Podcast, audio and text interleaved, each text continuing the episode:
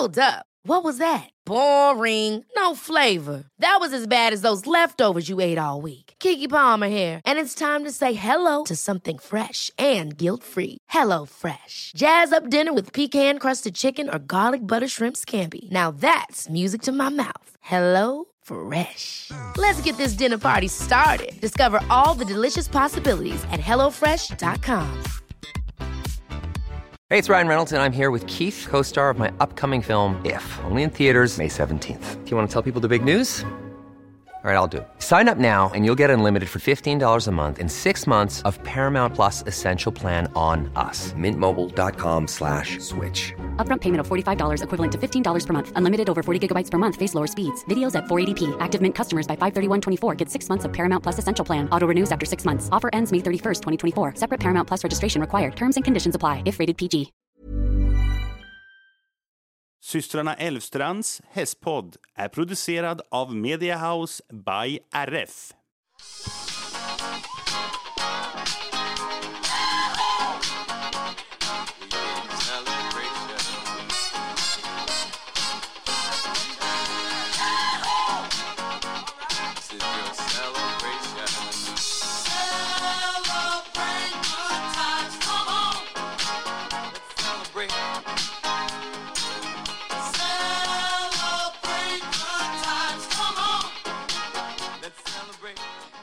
Ja men nu har vi väl kommit i ordentlig partystämning här hörni. Nu är det dags, nu ska vi fira avsnitt 100 av podden! Woho! Ja det känns ju helt fantastiskt. Hej Ja. och välkomna, det här är alltså systrarna Elfstrands hästpodd. Mm, hej och välkomna. Anna, tycker du inte att avsnitt 100 förtjänar en applåd ändå? Jo men nu är det ju det här, jag kommer ju aldrig ihåg vilken Den knapp det är. gula va? Är det det? Ja.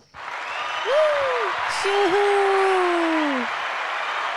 Ja, alltså det känns ju helt otroligt. Tack alla som har hängt med oss. Vi får ju ganska ofta DMs på vår Instagram om att eh, eran podd är så bra och jag brukar lyssna på den när jag ska sova och det är skönt att ha era röster i lurarna och det gör oss så otroligt glada. Mm, verkligen. Alltså, det är så himla kul att podda. Det är så kul med er följare som är så himla dedikerade till podden och som kommenterar mycket på Instagram. Och vi har ju aldrig lite att prata om. Nej, och som jag sa typ i förra avsnittet så känns det som att ja, men ibland så kan man vara så här, gud jag har typ ingenting att prata om men sen så tjoff så går typ en timme. Ja. Så vi får se hur långt det här poddavsnittet kan tänkas bli för vi har ju tänkt att det ska bli lite extra långt. Ja, det ska bli ett riktigt celebration-avsnitt där ni har fått bestämma exakt vad vi ska köta om, skickat in frågor och ämnen och lite this or that. Och jag har ju till och med tagit in min lite skönare stol som jag ska sitta i. För jag brukar sitta i en stol som liksom inte är skitskön. Men så tänkte jag att nu när vi kanske ska spela in i typ så här två timmar då kan jag behöva ha en stol som är lite skönare. Det blir skönare. Det var en, ett mellanting mellan skönt och gött eller godare. Ja, jag vet inte. Nej, det var ett väldigt konstigt Ja. ord men du sitter bra i alla fall. Ja, det gör jag. Framförallt så har ju den stolen du brukar sitta på inga armstöd. Nej, precis. Och det är ju väldigt obekvämt när man ska sitta en stund tycker jag. Mm. Men i det här avsnittet i alla fall så kommer vi att bjuda på, ja dels så ska vi prata lite om vår giveaway så vi kommer att dra igång imorgon när ni hör på detta, alltså onsdag. Och sen så har vi ju insamling till Barncancerfonden. Det kan vi ju lika gärna riva av på en gång. Mm. Och den kommer att avslutas, är det första februari? Ja. Ja, så att passa på och skänk pengar nu om ni har möjlighet. Och vi lägger såklart en länk i beskrivningen till det här poddavsnittet till vår insamling. Precis, och själva tanken med vår insamling till Barncancerfonden det är att vi tänker att man kan skänka 100 kronor per person och då blir det en krona per avsnitt som vi har släppt. Mm. Sen så får man såklart skänka antingen mer eller mindre än det beroende på vad man har möjlighet till. Ja, och jag tänkte bara berätta lite om vår giveaway lite snabbt, vad den innehåller. Och vi har ju jobbat med företag som vi gillar väldigt mycket. Först och främst så vinner man en flaska från Glacial. Vi älskar Glacials flaskor. De håller värme och kyla bra och är smidiga med sig till stallet och på långa dagar och sådär. Från vår egen hästshop, Hästhuset, så har vi med en ryktväska kan man väl kalla det. Men är man inte, har man inte några ryktborstar så kan man ju likväl använda det till något annat. Den är jätte, jätte, jättefin. Och Minerals by Nordic har gått med och sponsrat också. Och de har gått in med ett helt paket med, det är lite pälsglans och det är hovolja och det är hästgodis och det är en hovkrass. Alltså det är jättefint. Det ser nästan ut som en liten julklapp. Mm, verkligen. Och sen har vi Kiro Riding Gear som går in med en jättefin påse eller väska. Jag vet inte vad man ska kalla det. Nej, men Något litet mellanting kan man säga. Det är, ju, det är väl en sån väska som du köpte på Sweden Horse Show va? Exakt, det är en sån här väska som är bra att ha om man ska till stranden eller om man ska med sig lite fika till stallet. Alltså det är en sån här påse som man kan använda till prick vad som helst. Och sen har vi också jättefina nyckelringar från OKs Finland by Lina Dolk. De ser ut som en stigbygel och det är perfekt om man vill ha till sadelkammarnyckeln eller till sin nyckelknippa eller till vad som helst. Alltså den är jätte, jättefin. Mm, precis, och det är tre personer som kommer vinna den här presenten eller goodiebagen eller vad man nu vill kalla det för. Så det är ändå kul att vi har möjlighet att tävla ut tre stycken paket för då är det ju större chans att vinna också. Det stämmer bra det. Och tävlingen kommer att vara på Instagram då. Så kika in där imorgon onsdag för då kommer vi att lägga upp denna. Men jag tänker det Emma, det kan ju vara någon som har kommit in på vår podd nu det här avsnittet och inte riktigt har så bra koll på oss så ska vi ta och presentera oss lite grann. Ja, men det tycker jag. Och ska jag ta och börja och presentera mig själv? Shoot. Ja, men jag heter ju då Emma Elfstrand och jag är 30 år. Jag är född 14 juli 1991. Och eh, ja, jag är stora systern av oss kan man säga. Jag, eh, Kan man kan man säga. ja, men vad ska jag säga mer? Vi, vi har ju tre stycken egna hästar och eh, den som jag tränar och tävlar mest det är Bella som är ett svenskt varmblod född 2013 efter Boss Alcatraz. Väldigt trevlig tjej, 173 centimeter hög, grov. Mm, Jag köpte henne som hopphäst men nu kör vi lite blandat både och. Har som mål att starta och få placering i lätt A-dressyr i år och så hoppas hoppas jag att vi kanske kan starta 1.10 någon gång till hösten. Det hade varit väldigt kul och det får ju ni följa här i podden hur det går med den resan. Gud det låter så klyschigt att kalla det för resa men vad ska man kalla det annars? och jag heter då Anna Elfstrand. Jag är född 1993 så det innebär att jag fyller 29 år men jag är 28 as we speak. Och eh, mina två grabbar som jag rider mest det är Tage. Han är född 00 så han fyller 22 år i år och jag har haft honom sedan han var sju vilket ju innebär att vi har haft honom ja, en, en hel livstid känns det som snart. Eh, och han är väl lite eh, halvpensionär kan man väl säga. Ja. Vi fortsätter ju och rider och tränar honom men det är inte så att vi satsar på värsta tävlingarna. Blir det någon hopptävling år så är väl det kul men jag orkar nästan inte riktigt lägga ner den tiden som det krävs för att vara, vara redo för en hopptävling heller. Så vi får se lite helt enkelt. Men han är efter kavalett Brightbird Stämmer. och har mycket fullblod i sig, vilket eh, märks ibland när man rider ut och han får igång här fullblodshjärnan som bara spinner igång. Men annars så är ju han verkligen dösnäll och vi kan kasta upp alltså vem som helst på hans rygg. Och sen har jag då min speciella kille Fokus som är född 2010 och han fyller alltså 12 i år vilket också känns knäppt för jag köpte också honom när han var sju. I och för sig i slutet av 2017 så det var verkligen precis att han skulle gå över på år åtta. Och vi har haft en eh, ja, sju helvetes resa skulle jag vilja säga. Jag, jag tror att jag har velat sälja honom ungefär hundra gånger. Minst. Ja, för att eh, han har varit så himla svår. Han var utbränd när jag köpte honom. Och då kan ni tänka, jaha utbränd, var han deprimerad? Men nej, det är väl kanske inte riktigt så man säger. Men han ville inte hoppa när jag köpte honom. Och det tänkte jag var det minsta problemet för jag tänkte ändå rida och tävla dressyr på honom. Men sen när jag väl fick hem honom så insåg jag att de där mentala bekymren, alltså oavsett om de visade mest i hoppningen så fanns de ju överallt. Vi kunde inte rida ut, jag kunde inte lasta honom. Jag kunde inte njuta av dressyrpassen eller hoppassen på banan för att vi kunde inte hoppa och han kunde typ inte gå dressyr heller. Alltså vi kunde inte göra någonting i början. Eh, Jag mest grät och var väldigt besviken. Men eh, nu har vi ju ändå kämpat oss upp till att ha startat Medelsvår C. Och målet med honom i år är att starta Medelsvår B. Så eh, det ska bli kul och så får vi se om vi hinner med någon hopptävling däremellan. Ja, du nämnde inte fokusstammarna. Nej just det ja, eh, han är efter Harley VDL Pitcher, Pitcher S. S. ja, just det. Jag har så dålig koll på stam för att Ja. hans stam säger inte mig så jättemycket. Nej, samma här. Inte Tages stam heller visserligen. Nej. Men Fokus han är ju lika hög som Bella, han är 1,73 Ja. och Tage han är 1,62 så han är minstingen i gänget. Ja, han är verkligen så här. Jag tycker att han nästan känns för liten, men det är ju för att vi är så vana vid de andra hästarna. Ja. Och vår tidigare häst eh, Boppen, som vi var tvungna att ta bort förra året, han var ju Ja, vi, vi mätte ju aldrig riktigt honom för att han blev så spänd för den där mätstickan. Men han var ju drygt 1,80 mankhöjd. Ja, runt 1,82 brukar vi säga. Ja, Mm. ungefär. Så att jag menar vi är vana vid stora hästar. Ja exakt och det är ju alltid många som undrar hur långa vi är också. Mm. Och jag är 1,68 och du är 1,70. Ja, nu har inte jag mätt mig på några år men om inte jag har krympt så är jag 1,70. jag tror inte man börjar krympa när man närmar sig 30. Det är nog snarare Nej. om 30 år kanske. Mamma hon var ju 1,54 förr i tiden och nu är hon 1,53. Ja, det är så gulligt. Mm.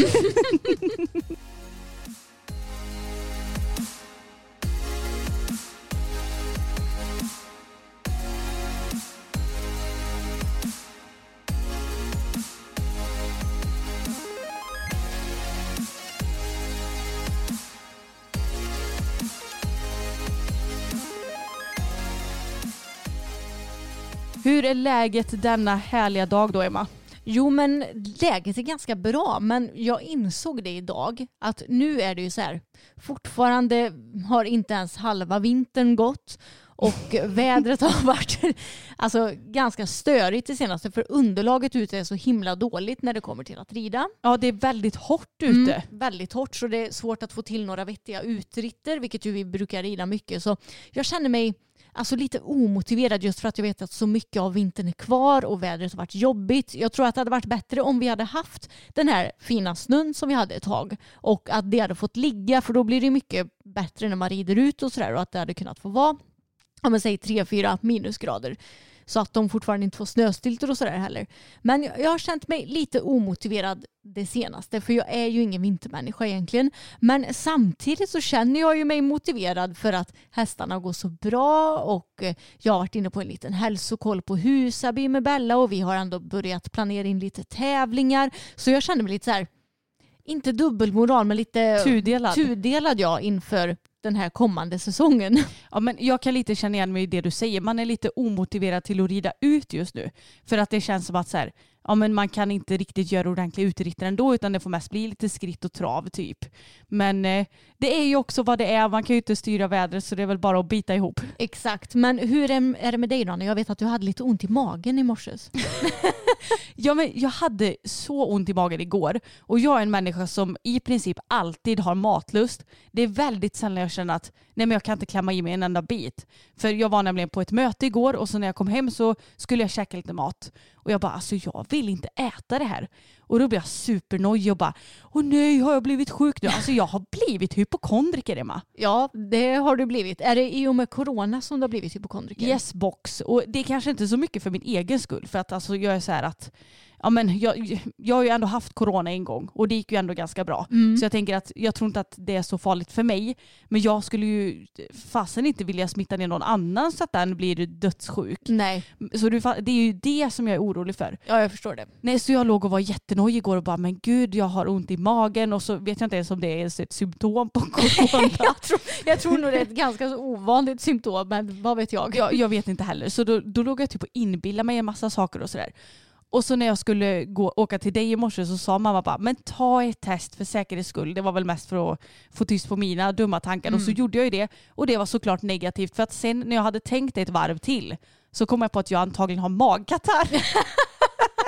för att du vet, jag känner mig liksom, det känns som jag har en luftbubbla i magen. Och samtidigt som jag har en liten, liten tagg typ här, eh, alltså mellan alla så här ben i halsen. Förstår du vad jag menar då? Ja, är det det som menas med halsbränna eller? Jag vet inte. Nej, jag men vet jag inte brukar få så här när jag har magkatarr. Och Mm. jag, jag tror att anledningen att jag undrar vad det är, det är också för att jag har inte jättegrov magkatarr. Nej. Jag har lite ont i magen och jag känner mig lite så här uppblåst och ja, men pyttelite halsbränna. Men jag vet ju de som har jätteilla magkatarr och verkligen har jätte, jätteont. Så riktigt så illa är det ju inte för mig. Men också därför kanske jag inte riktigt förstod vad det var som spöka. Nej. Men nu, så här, nu känner jag mig jättedum som bara Åh nej, jag kanske har corona. Så bara, men alltså snälla Anna, du har ju magkatarr. Men hur mår du nu då? Mår magen bättre nu efter några timmar? Ja men jag mår okej. Jag Ja. har, alltså grejen att när jag får magkatarr, man ska ju vara noggrann och äta lika mycket som man brukar. Eller kanske inte samma sorts mat för man får ju äta lite snällare mat då. Mm. Men jag blir ju typ inte sugen på någon mat då. Så att jag har ätit typ en hel liter yoghurt till lunch idag. Det fick bli det.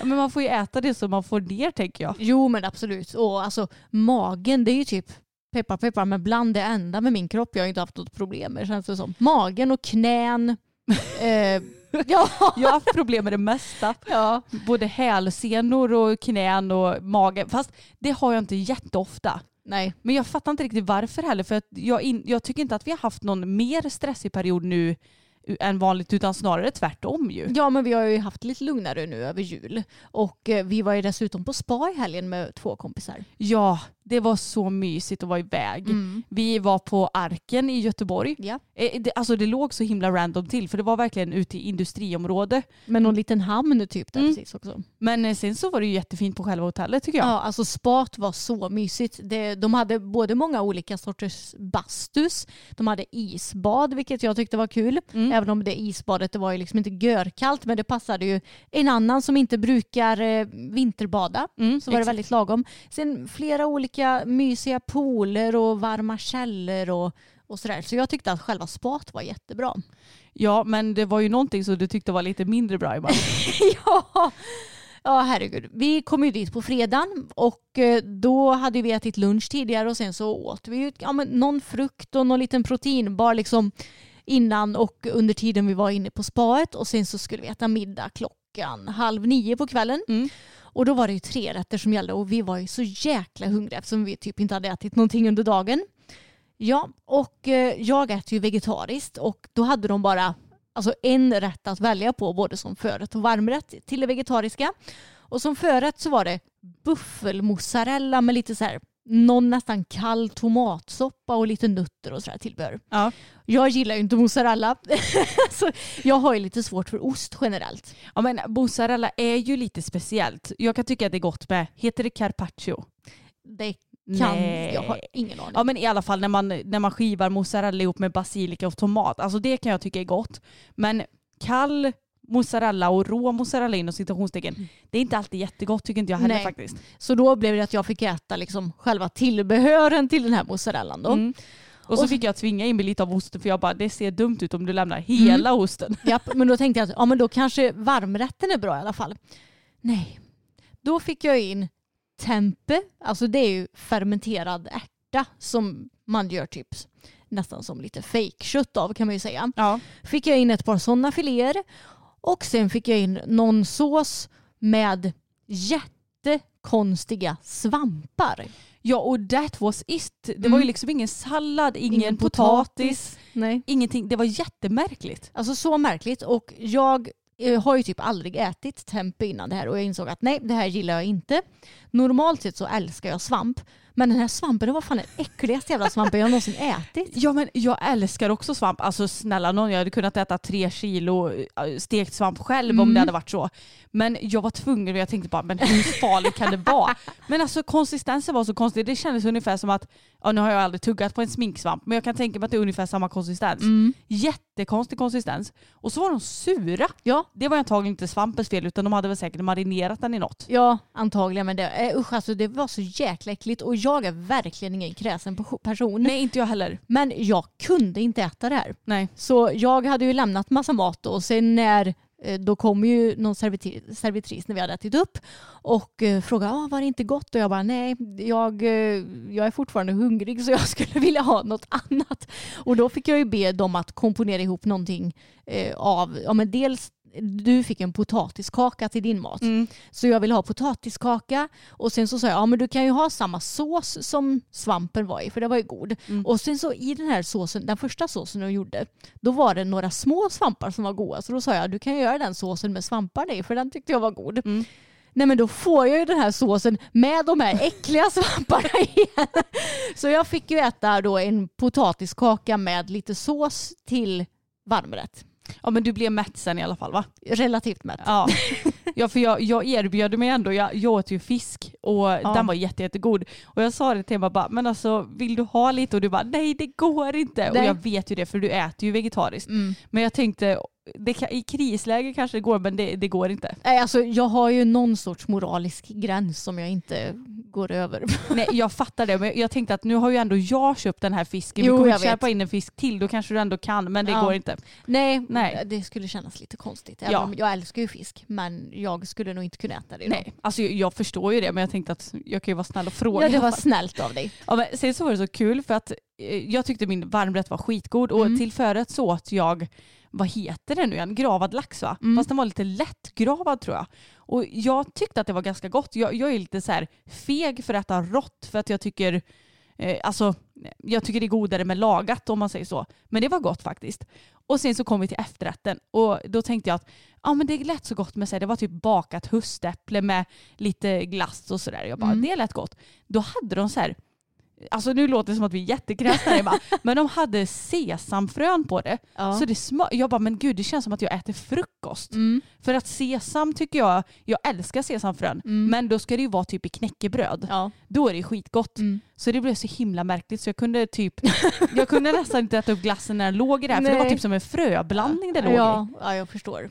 Ja, nej, så, men alltså annars så var maten bra för min del. Mm, ja, för min del inte lika bra då. Nej. Men, eh, ja, så jag blev lite besviken på det men spat var väldigt bra så man får väl hoppas att de kanske kommer improve vegomaten. Ja, och det, fin- alltså det finns ju säkert de som ändå tycker om tempe och då kanske den rätten ändå var god för dem. Jag Ja, vet inte. Men alltså det som jag tyckte var konstigt var att det var ju liksom ingen kolhydratkälla till. För Nej. i, i mina ögon så är ju en bra portion mat den ska ju bestå av en kolhydratkälla, typ potatis, ris, pasta, whatever. Och sen en proteinkälla. Och eh, i det här fallet så var ju tempen proteinkällan men också svampen. Ja, Så det var liksom, de hade två proteinkällor och sen så sås då såklart ska ju en bra måltid innehålla också. Och när jag äter på restaurang förväntar jag mig också att få lite goda tillagade grönsaker och rotfrukter med. Det tycker jag inte är för mycket begärt. Men det, det fick jag inte utan det var protein, protein och ytterst lite sås. Så jag tyckte ja och det var inget fett direkt heller för det vill man ju Nej. också ha. Alltså man vill ju ha alla komponenter. Ja, nej, så jag tyckte det var märkligt eh, komponerat. Ja, men jag tyckte ändå att det var bra av den här servitrisen att fråga dig om det inte var gott. För Ja. det kan, jag kan tycka att det är lite svårt, även fast man är ju en betalande kund, Mm. likväl som att jag skulle kunna klaga på ett par byxor som inte passar mig eller som det har blivit hål i eller vad som helst. Mm. Då, då ska jag kunna klaga på en maträtt. Men man, jag tycker det är lite jobbigt och jag vet att det är många som tycker detsamma. Ja, det tycker jag med. Det här är nog första gången i mitt liv som jag har klagat på mat och fått in någonting mer. Vad Ja. jag kan minnas i alla fall. Alltså jag vet att jag har ätit en riktigt äcklig köttbit en gång men då vågade jag ju heller inte klaga. Alltså jag, jag, jag sa det till, för då åt vi med Samuel och några kompisar för några år sedan. Jag sa det till dem att alltså, jag hade lika gärna kunnat tugga på min egen skor, det hade fan varit godare typ. Så att mm, man ska ju vara duktig och klaga om man inte tycker att det är gott. Det ska man göra. Men frukosten var ju riktigt bra. Den var väldigt bra. Och man fick göra sina egna våfflor och det tycker jag är, det tycker jag är så mysigt på något vis. Mm, och de var väldigt goda också. Åh, så goda. Mm. Så överlag kan vi ändå rekommendera Arkens spa skulle jag säga. Ja men det tycker jag också. Mm. Och under tiden som vi var iväg på spa så fick ju Sigrid och pappa ta hand om våra hästar. Vi hann ju med att motionera Bella och Fokus innan vi åkte på fredagen. Men eh, då red Sigrid på Tage och sen så red Sigrid Tage på lördagen och mockade och pappa red Bella och Fokus. Det är så himla skönt att kunna åka iväg och eh, ändå så fråga om de kan motionera hästarna och de bara jajamän inga problem. Och Sigrid sa det att nu har ju hon ändå ridit ho- hos oss i typ jag tror vi går in på det fjärde året om jag inte Ja minns det fel. tror jag med. Och hon bara, jag har ju aldrig varit här själv. Nej. Jag bara, nej egentligen är det konstigt för vi litar ju ändå på dig så pass mycket att du, du får göra det när du vill. Så här. Hon bara, ja ja men det fattar jag. Men jag förstår ju också att hon tycker det är kul med vårt sällskap. Mm. Men eh, nej, det känns väldigt skönt att vi kan åka iväg när vi behöver eller Mm. och vill. Ja men verkligen och förra veckan insåg jag idag blev väldigt lugn för mig för jag red väldigt lite och det berodde dels på att vi var iväg på spa men också för att hästarna blev vaccinerade under tis, nej, Jo, tisdagen. tisdagen. Eh, och även på tisdagen då så var jag inne med Bella på Husaby hos Charlotta som är vår räcketerapeut och först så kontrollerade Charlotta hur Bella sprang både på gången och eh, när jag longerade henne och hon hade inga anmärkningar utan hon tyckte att hon rörde sig jättefint. Och sen så skulle ju då Charlotta behandla henne och det var liksom inga konstigheter heller. Så det var väldigt skönt och jag fick jättefint betyg med Bella. Charlotta sa att ja, hon är i toppform och hon är i perfekt hull. Det blev jag så himla glad över att höra för ni vet ju hur mycket jag kämpar med att Bella ska hålla sig i bra hull och inte liksom lägga på sig för mycket fett. Ja, och det är inte alltid så himla lätt men hon hade ju faktiskt förlorat 35 kilo. Ja, jag brukar alltid väga Bella när jag åker till Husaby och hon hade gått ner 35 kilo sen, ja det måste varit början av september som jag var inne med henne någon gång tror Ja jag. just det. Ja. Så att nu, hon är ju verkligen jätte, jättefin nu Bella. Ja, det roliga är att pappan har ju gått omkring och sagt hela tiden Bella hon är så himla, eh, i så himla bra form nu och jag, man, jag blir lite självblind när jag ser min häst varje dag så jag bara nej men det har väl inte hänt så mycket så jag fick ju en chock när jag såg på vågen och såg vad det stod på den jämfört med vad det gjorde i höstas. Men har du märkt på sadeljorden att det har gått lättare eller? Ja men det går lättare nu. Ja, ja men då, då, för det kan man ju märka lite skillnad på annars menar jag. Mm, att oj nu, nu var det lite tajt eller oj nu gick det att spänna jättemycket. Ja, Men det är alltid svårt när man ser hästen varje dag. ja, men vi pratar ju lite då som vanligt jag och Charlotta och eh, en sak som kanske kan vara intressant att veta för oss hästägare det är att nu på vintern så har Charlotta märkt att hästarna blir väldigt stela ja, men nere vid typ hovlederna och kotorna, alltså långt ner på benen. Och det är väl för att det är fruset ute och då får hästarna kanske de rör sig lite mer försiktigt fram, de får kompensera. Många hästar kan vricka sig i hagen utan att vi ryttare behöver märka det. Det hade tydligen Bella gjort. Hon, hon hade vrickat sig på ena frambenet men hon har ju aldrig varit halt. Så det kan ju bli så ändå, men det märkte Charlotta när hon kände och klämde lite grann. Och eh, som sagt, det är vanligt att hästarna blir stela nere vid hovarna så här på vintern och det inga konstigheter, men det kan ju vara någonting som man ändå får vara lite uppmärksam på.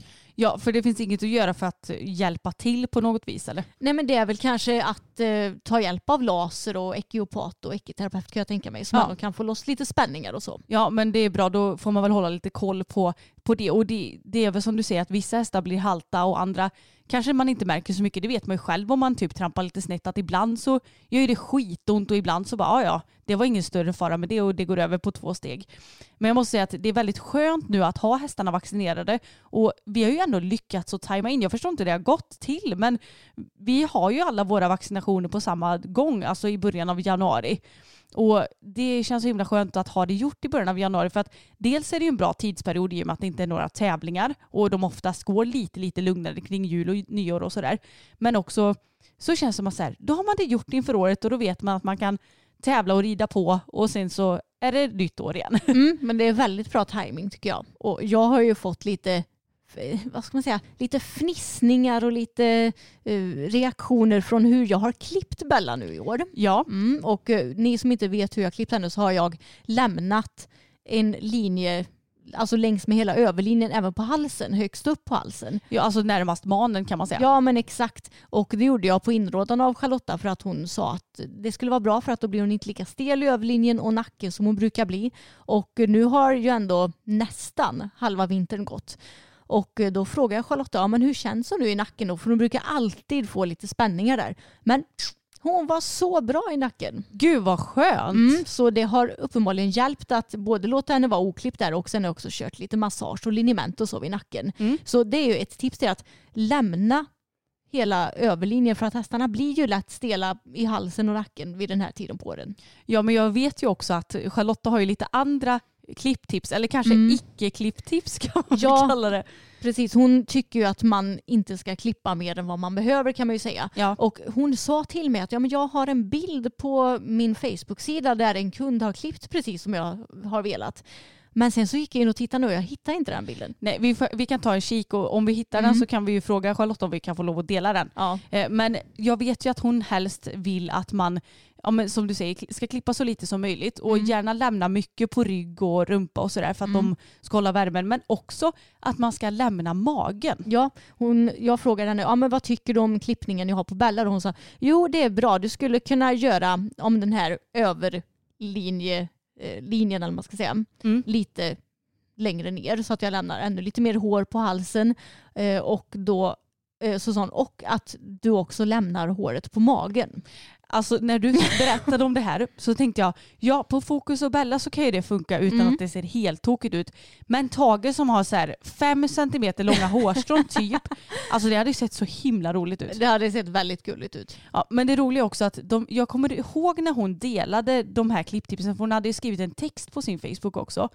Men det värsta var att då hade hon ju skrivit det efter att jag hade klippt mina grabbar. Ja jag vet. Då hade jag ju klippt både ben och hela skiten nästan. Mm.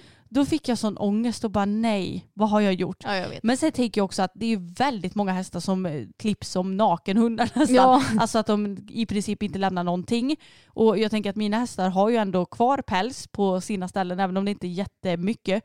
Och nu har det ju vuxit ut så nu har de ju nästan, Mm. ja de har kanske hälften så mycket päls eh, som där de är helt oklippta då. Men jag bara, Charlotta kunde du inte släppt de här klipptipsen lite tidigare? så det är ju bra att ha fått de här klipptipsen i alla fall för då kan vi ta med oss det till nästa säsong nu det är dags att klippa. Precis. Om jag nu inte tar tag i och klippa fokus lite grann. För att alltså, jag red ju honom igår och vi skulle bytesträna lite så då tog jag med dig och honom till ridhuset för att vår paddock var tyvärr lite frusen och knölig så jag trodde att det skulle gå att rida där men nej, vi fick lasta på honom på släpet istället. och han blev ju så otroligt svettig så kanske att klippmaskinen måste åka fram en gång Mm. till i år. Men i alla fall, då skulle jag ju bytesträna lite nu då. Och det var en vecka sedan som vi hade ridit för Johan och jag tyckte att så här, jag har ändå lite koll på hur jag ska rida, vilket varv jag ska rida fram och vilket varv jag ska ta tillbaka och hur jag ska göra. Och så började jag rida lite byten och jag bara, men gud det går inte. Han bara typ hoppar jämfota eller byter orent eller eh, känns eh, som att han förekommer mig. Alltså jag kände bara att det går inte. Nej, och i högervarvet när du skulle byta från höger till vänster, då bara han tjurar och så vägrade han byta så sprang han bara åt höger Ja. istället som är en skänkelvikning. Exakt. Så jag bara, vad, vad tusan ska jag göra? Så då saktade jag av till skritt, klurade på vad jag höll på med. Och sen så med hjälp av dig också så kunde vi lista ut att alltså, jag, jag gjorde typ för mycket tror jag. Ja, Och och var, var tvungen att rätta upp honom lite mer. Mm, precis, och det som du gjorde i slutet egentligen det var ju att eh, ja, men han trängde ju så mycket mot din innerskänkel. Så det du gjorde det var ju att ja, men när han skulle byta från höger till vänster att du verkligen fick honom att acceptera högerskänkeln först, kanske nästan flytta sig något steg åt vänster Mm. och sen byta och då gjorde han ju ett gäng rena byten i slutet. Ja men exakt för att han trängde ju mot den skänkel som ska bli min nya ytterskänkel och Mm. den skänkel som jag ska göra själva bytet med. Och det är inte optimalt för att då kommer han ju inte att kunna byta. Så att jag fick liksom, ja men som du sa, jag fick nästan göra lite lite tänka skänkelvikning och sen byta och då, då kunde vi avsluta med typ två, tre rena byten. Så då nöjde jag mig sen. Så det kändes som att nu har jag kanske fått ännu ett litet verktyg till hur jag ska göra bytena Ja, och hur jag ska göra för att få dem rena. ja men det var, det var nog inte helt fel att ni ändå fick ett litet meltdown där ett tag för du sa det. Jag blir typ ledsen för det funkar inte. Jag bara men Anna du kan inte bli ledsen av att det går dåligt. Eller, det, liksom, det gick inte ens dåligt det var bara att bytena inte riktigt funkade. Nej, alltså han var ju jättefin i övrigt. Men Mm. jag blev bara lite så här, jag blev lite frustrerad för jag tyckte att jag hade så bra koll och så bara blev det inte bra ändå. Jag bara, men vad är det här? Hur dålig är jag? Då tänker man ju så direkt att eh, man är dålig. Det är ju jag i alla fall. Men då gäller det bara att peta bort det hjärnspöket och så komma på en lösning istället. Och det gjorde jag ju. Ja, och Eller ja, du- vi tillsammans. Ja men precis och jag menar du har lång tid på dig att träna på de där bytena Ja. för du ska inte starta medelsvår ben. Nej, exakt. Så att jag kan sitta lugnt i båten och träna vidare. Ja. Men det kändes ändå som ett bra pass så nu kör vi vidare. Jag är så pepp på detta alltså. Mm, och för övrigt vi har ju anmält oss till årets första tävling. Ja, jag är så taggad. Vi ska åka till Vänersborg den 20 februari Mm. och jag ska rida en C och du är en lätt B1. Ja, jag är så glad att de hade lätt bet, alltså ett program på kort bana på den tävlingen. För när jag såg, alltså de brukar alltid lägga ut innan propositionen kommer ut så brukar det stå så här vilka klasser som planeras och då tänkte jag att ja, lätt C1 och lätt B1 det kommer säkert bara vara på ponnytävlingen som är dagen innan. Mm. Men nej, då var det lätt C1 och lätt B1 även på söndag när vi ska dit och sen lätt A3 och medelsvår C1.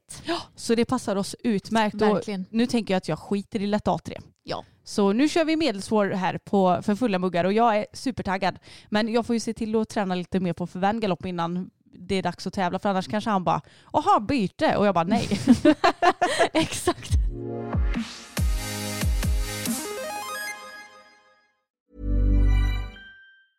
Ever catch yourself eating the same flavorless dinner three days in a row?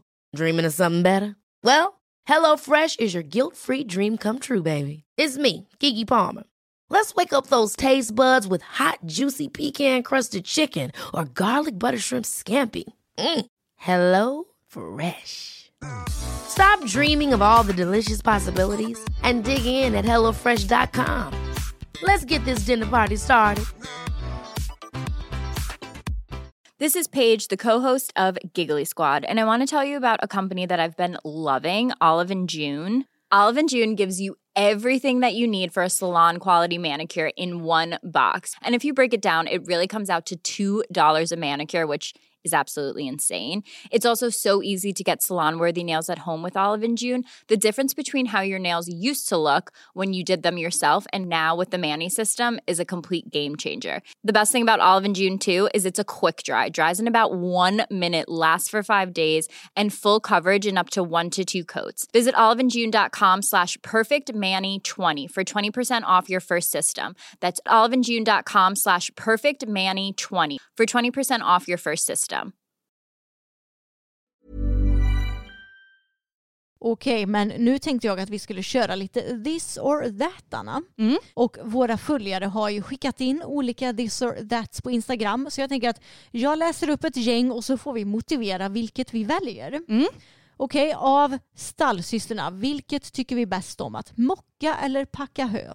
Mocka faktiskt. Håller med, alltså det finns typ inget värre än att packa hö tycker jag. Nej, och alltså never forget på ridskolan när vi stod uppstallade där och balen hade ju typ halvt frusit så då fick man ju typ ta fram sågen för att brottas isär med den där jäkla Mm. höbalen. Nej, jag föredrar att mocka även om det är tungt ibland. Ja, och jag är lite så här småallergisk mot halm, eller halm, men hö slash damm tror jag. Så jag brukar alltid bli så himla nysig också när jag ska packa. Så helt klart mocka. Sen Anna, vad föredrar du av free jumps eller spränger stigbyglar? Eh, Ingen av dem. Nej, alltså, once you go tech you never go back. Ja men exakt, vi har ju tech stirrups nu på alla våra sadlar. Men om jag måste välja de här så väljer jag ändå spränger. För att jag har ju hört så många historier om free jumps där folk har fastnat och blivit släpandes efter hästen och det har hänt massa olyckor. Så att alltså om det är någon som sitter och har free jumps på sina sadlar nu så vill jag bara ge en liten varningens tecken om att det kan verkligen bli, gå illa. Japp. Även om jag, jag har ju haft ett par själv för ganska många år sedan nu och jag gillar verkligen greppet i dem. Men det får ju mina nya tech nu. Mm, exakt. Ja, jag har ju ridit både free jumps och spränger och jag hatade free jumps och ridde det. Det funkade inte för mina korta hälsenor. Eh, av någon anledning. Spränger funkade men sen så får man inte alls samma stöd i spränger som man får i tech som vi gör nu. Nej, exakt. Men eh, jag tycker ändå det är en trevlig grundstigbygel. Ja, det är det absolut. Okej Anna, tacos eller hamburgare inom parentes hemgjort och det här kan ju bli svårt för dig för du är ju en riktig taco och hamburgertjej. ja, faktiskt. Men nu kanske du blir lite chockad. Jag väljer burgaren. Nej men jag blir inte så chockad faktiskt. Nej, du blir inte det? Nej. Nej men alltså det är så gott med hemgjord hamburgare och jag och Samuel när vi gör det så brukar vi alltid göra egengjord majonnäs med tryffel i. Och sen så steker man gulök så att det verkligen blir karamelliserat. Alltså den kombinationen. Det är så gott så att jag smäller av. Jag väljer också burgare. Mm. Det är kanske inte ens chocker- chockerande heller för alltså, jag är inte riktigt en tacomänniska. Jag, alltså, jag har tröttnat på tacos. Och det, jag har inte ätit det på jättelänge nu för att jag äter det och sen så tröttnar jag på det så dröjer det sig ett par månader så äter jag det igen och så blir jag trött på det. Det, det är någonting med den här kryddkombinationen tror jag som gör att jag inte kan äta det för ofta. Nej men alltså ett litet tips från min sida då. Det är att eh, om du inte har gjort den så kan du köpa de här eh, Hälsans köks-vego... Eh, nej inte vegobajs, vad heter de som är lite pulled va? Ja, pull ja. Mm. Eller ja, det spelar ingen roll. Du kan välja vilket utav dem som helst för det är ju typ same shit different eh, alltså form. Mm. eh, och så köper du det och så steker du det och sen tar du i fajitakrydda istället. Ja men det gjorde jag någon dag också men jag blev också lite trött på det. Jaha, Ja. ja. ja. Nej, det, så tacos, nja för min del. Burgare, väldigt gott. Men om jag hade bjudit dig på tacos en dag då hade du väl ändå ätit? Ja, ja, Ja. det hade jag gjort. Repgrimma eller vanlig grimma? Alltså om jag måste välja en så väljer jag ändå repgrimman. Samma här. För att, nog för att det kan vara lite mäckigare att sätta på, men jag menar den, den är så himla användbar. Och vi mentaltränar ju en del med våra hästar och då, då är den väldigt, väldigt användbar. Mm, det är jättebra att ha repgrimma och rep om man ska lasta också till exempel. Ja. Fokus visade tydligt det i Ja, när vi skulle lasta och åka till ridskolan, när vi skulle bytesträna, att jag vill faktiskt ha repgrimma, rep och att du gör på ditt vanliga sätt. För jag tänkte att ja, men Emma kan bara ta honom i grimman och grimskaftet och så bara kliva in i transporten med honom. Men Ja. icke sa Nicke, det ville han inte. Nej, så repgrimma är mycket mer användbart än en vanlig grimma tycker jag. Ja. Barfota eller skor? Ja, den här är ju lite klurig för att som det ser ut nu så är ju majoriteten av våra hästars hovar skodda med vanliga skor. Så vi kanske ändå får välja det då. Ja, alltså jag skulle säga barfota om det funkar för hästen Mm. och skor om det inte... Alltså jag är väldigt neutral till det här. Jag tänker att barfota är egentligen bäst för att det är mest naturligt för hästen. Men sen så måste man också se vilka förutsättningar du har med din hästhållning och vart du brukar rida och sådär. Så ja, alltså både och tycker Ja, jag. det, det är lite svårt att välja en i det här fallet faktiskt. Podd eller YouTube? Podd. Ja, verkligen. Både när det kommer till att konsumera. Jag konsumerar ju mycket podd. Jag konsumerar nästan ingen YouTube. själv. Samma här. Eh, sen så för tillfället så tycker jag också att podd är roligare att jobba med. Ja men alltså YouTube är ju jättekul men podd är snäppet roligare.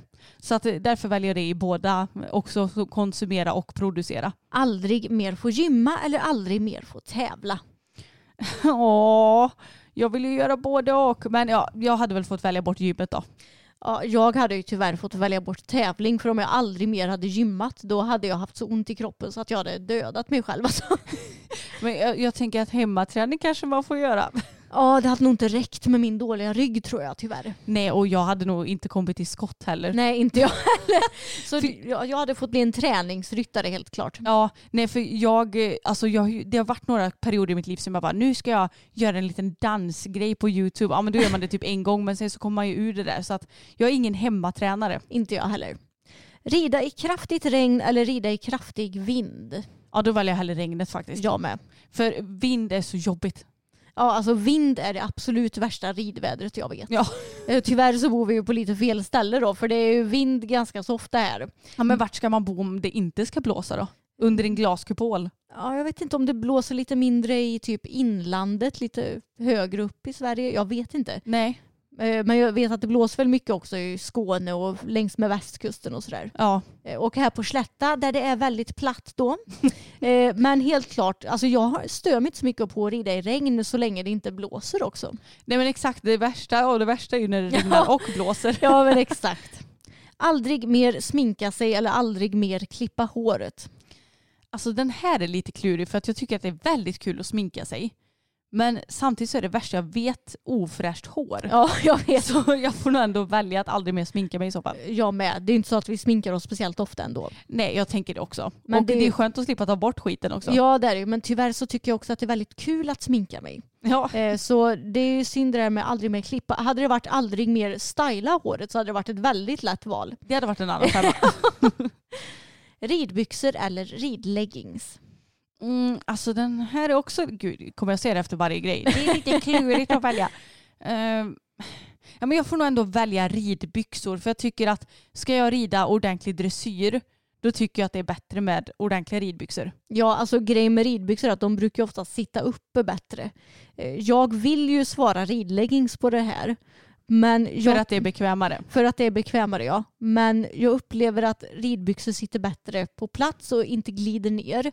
Jag tycker att ridleggings lätt kan liksom hasa sig ner Mm. i midjan. De behöver inte korva sig men de kan glida ner lite. Men jag tycker ju egentligen att de är skönare. Ja, alltså jag måste komma med en liten kommentar om ridleggings som kanske egentligen är lite too much information. Så ni får stänga av öronen om ni tycker det är jobbigt. Men alltså jag tycker att om jag ska sitta ner i traven och ha ridleggings, alltså det kan liksom lite vid Fiffi. Mhm. För att hon får liksom inte tillräckligt med stöd typ. har du inte upplevt det? Nej jag tror inte det. Jag kanske har en jättestor Fiffi. Nej jag skojar. Men jag vet inte. Det, jag tycker bara att ibland så känns det som att jag inte får tillräckligt med stöd. Alltså vare sig om rumpan eller för ridleggings kan ju ändå sitta lite mer slappt just Jo jag förstår. där. Mm. Eh, så att eh, ja, jag, jag väljer då ridbyxorna. Ja, och jag, har, jag vet inte vad jag väljer.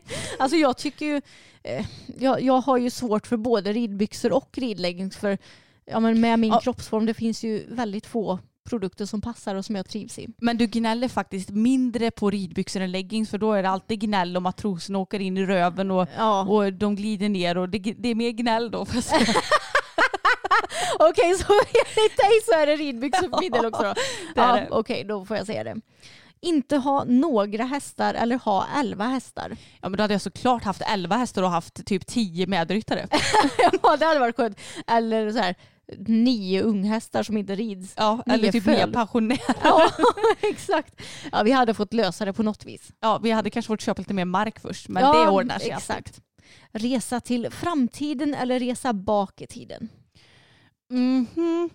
Alltså jag funderar på vad hade jag gjort oavsett vad? Alltså om man hade rest bak i tiden, vad hade du hittat på då? Ja, men det hade väl mest varit lite kul att se hur det faktiskt var på den tiden tänker jag. Ja du tänker innan vi ens var född? Ah. Ja, gud ja. Alltså jag tänker valfri tidsepok typ. Ja i och för sig. Det hade varit lite intressant. Mm. Jag tänker resa in i framtiden, då kanske man antingen blir jätteglad eller helt förskräckt. Jag skulle inte vilja resa till framtiden. Nej. Däremot hade det varit intressant att resa bak i tiden. Vilken epok hade du valt då?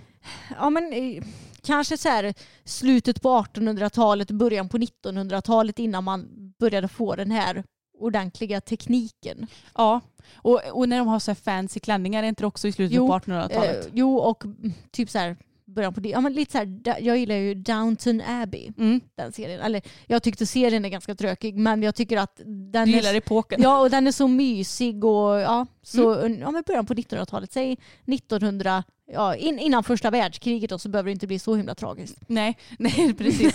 Men det hade varit lite kul att uppleva 70-talet också tycker jag. Ja, och nej, vänta, f- 50-talet? Varför, varför var det en fråga? Nej men 50-talet det var väl också så här en glad, glatt, glad Jo. tid med snygg stil och sådär. Ja men precis. Mm. Mycket eyeliner och röda läppar, det är mycket min typ av smink. Ja, inte så mycket min typ av, typ av smink men eh, männen var ju väldigt stiliga på den tiden. Ja och du hade rockat den looken ändå Emma. Ja, stark eller seg häst?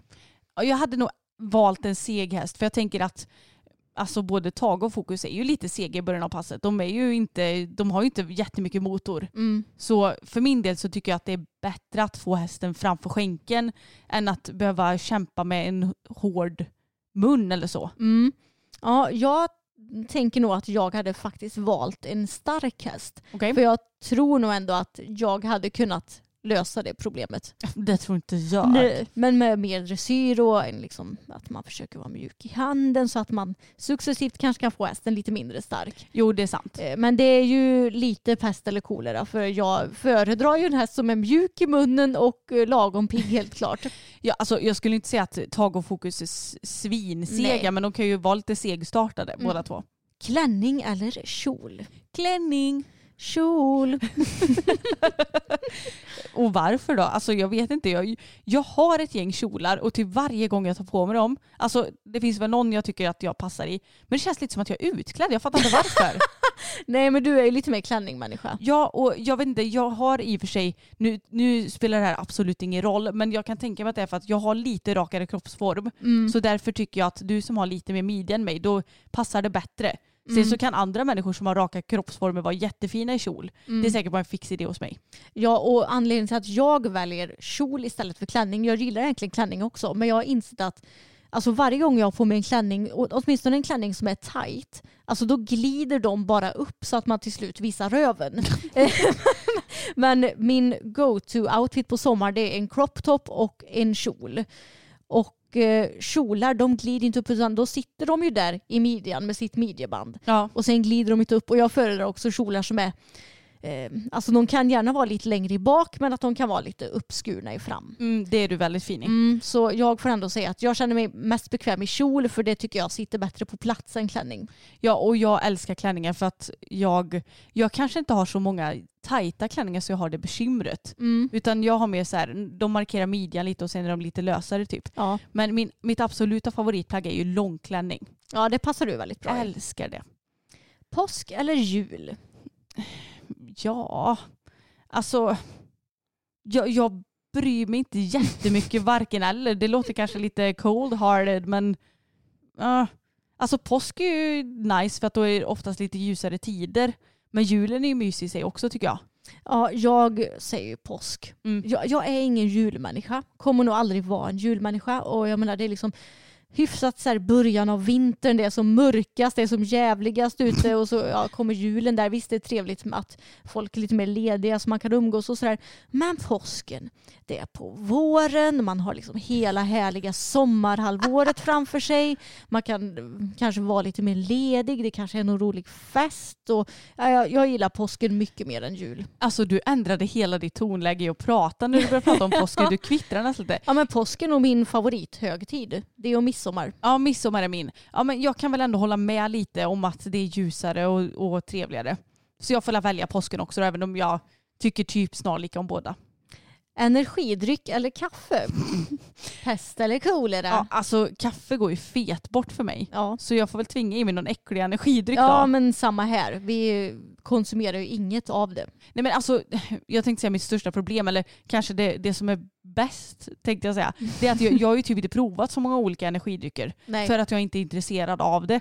Och därför har jag ju heller inte hittat någon som jag tycker är god. Nej, jag har provat ett par stycken och de har varit äckliga båda två så jag känner att varför ska jag trycka i mig en energidryck när det finns en så otroligt god dryck som heter Pepsi Max? Exakt. Pool eller hav? Ja, alltså jag gillar ju grejen med naturligt vatten egentligen. Men jag är lite rädd för alla djur som är där i. Jag med. Så jag får ändå välja pool. Det låter ju tråkigt men jag är så rädd för manet, eller rädd för, men jag tycker maneter är så... Alltså, Jo, jag är skiträdd för ja, maneter. okej, Min största mardröm är ju... om- Simma på en. Ja, och när vi, eh, när vi var i Uddevalla i somras Mm. och vi var ute och paddlade kajak. Och då såg man ju så här brännmaneter titt Mm. som tätt i vattnet. Alltså jag var livrädd. Tänk om den här jävla båten liksom välter. Så kommer man vara fast. Alltså jag hade fått panik. Vara Ja. fast i vattnet där det är massa maneter. Och jag menar jag kan simma, det är inga problem. Men det är liksom det som är i havet som jag är rädd för. Och om man istället åker utomlands, ja då behöver man ju oroa sig för jävla hajar och skit istället. Ja, för då är det oftast inte så mycket längs strandkanten där man ändå badar kanske. Men då ska man gå och oroa sig över det ja. Mm. Ja, jag jag minns att vi var utomlands någon gång, nu kommer jag inte ihåg vart vi var någonstans. Om det var när vi var på Cypern. Då tror jag pappa lärde sig hur man kunde kasta iväg brännmaneter. Var det inte så? På Cypern? Det finns Nej, inga det- brännmaneter Nej där. men det var väl självklart när vi var i Falk. men i Cypern så trampade jag på en sjöborre. Ja just det. Kommer du ihåg det? Ja. Det var inte skönt, jag rekommenderar inte det för någon. Det var inte Nej. meningen heller. Nej så på grund av det som finns i hav får vi säga pool. Ja men i pooler så kan det ju vara lite kiss och och sånt. sånt där. Så det är liksom som sagt pest eller kolera. Vi skulle helst haft en privat pool där vi vet att ingen kissar. Det Mm. hade varit optimalt. Japp. Bada eller sola? Ja, alltså jag älskar ju kombinationen av bada och sola. Men om jag under pistolhot tvingas göra en sak så är det ju helt klart bada. Ja, du är ju en riktig liten fisk. Mm. Ja, jag hade väl fått välja sola då. Men jag gillar ju att bada väldigt mycket också. Ja, men det är ju så skönt att bada och så är man kanske lite kall för i Sverige blir ju inte vattnet jätte, jättevarmt. Mm. Så går man upp och så lägger man sig och solar lite. Så blir man lite varm och god så kanske man somnar lite. Vilket Mm. inte är rekommenderat men det gör ju vi ändå. Och sen så när man är tillräckligt varm då går man ner och doppar sig igen. Alltså det är så, Ja. så trevligt. Jag längtar till sommaren. Ridskor med chaps eller stövlar? Ja, helt klart stövlar. Ja. För jag köpte ju faktiskt ett par chaps för ett par år sedan som jag tänkte att de kan jag ha som så här slit och släng. Och Men- du, du syftar på short chaps? Ja precis, Mm. short chaps. Men alltså nej. Man får typ inget stöd och de gled ner och när jag fick panik så jag sålde dem ganska snabbt. Ja, helt klart stövlar. Byta förnamn eller byta efternamn? Ja, men jag trivs ju väldigt bra som älvstrandare och det hade ju varit konstigt om vi hade bytt efternamn till något helt annat, helt Mm. random. Eh, Så byta förnamn hade jag valt. Mm. Ja men det hade nog jag också valt. Jag kanske hade fått fått heta Elisabeth Elfstrand så hade vi varit två Elisabeth i familjen. Det hade absolut inte varit förvirrande. Vad hade vi kallat dig då? Ellie? Ellie ja. Ja men då hade El- Bettan och Ellie? Bettan och Ellie. Ja, jag hade ju kunnat tänka mig att byta till mitt mellannamn som är Thea. Ja. För det tycker jag är väldigt fint. Bo kvar i Vara eller bo i Stockholm gratis på en stor hästgård med ridhus och rundkorall. Ja, så nu kanske jag låter lite, eh, ja, jag vet inte, otacksam tänkte jag säga. Men jag hade inte velat lämna Vara. Nej. Det kanske är tacksam för det man har i och för sig. Även om det är världens möjlighet att bo gratis på en stor hästgård med ridhus och hela kittet. Så alltså, vi gillar ju verkligen vår lilla gård. Och jag är inte lockad att bo närmare någon storstad. Nej inte jag heller. Så jag, hade, alltså jag skulle kunna tänka mig båda två. För jag tänker om man bor i en stor gård i Stockholm då är det liksom inte i Stockholm utan då är det ändå utanför. Så det blir ju säkert fortfarande lantligt. Ja, säg inte det. De har ju för fan hästgårdar som inne i stan där borta. Ja, jo. Utan mark till. Där alla går i en gånger en meter hagar ungefär. jo. jo. Nej, så de får stå stegra där inne för att de ska få plats i hagarna. Precis. Nej, gud jag skojar bara. Men nej, jag hade, jag hade bott kvar. Ja men det hade jag med gjort. Okej, men då ska vi knalla över till nästa del av det här hundra avsnittet.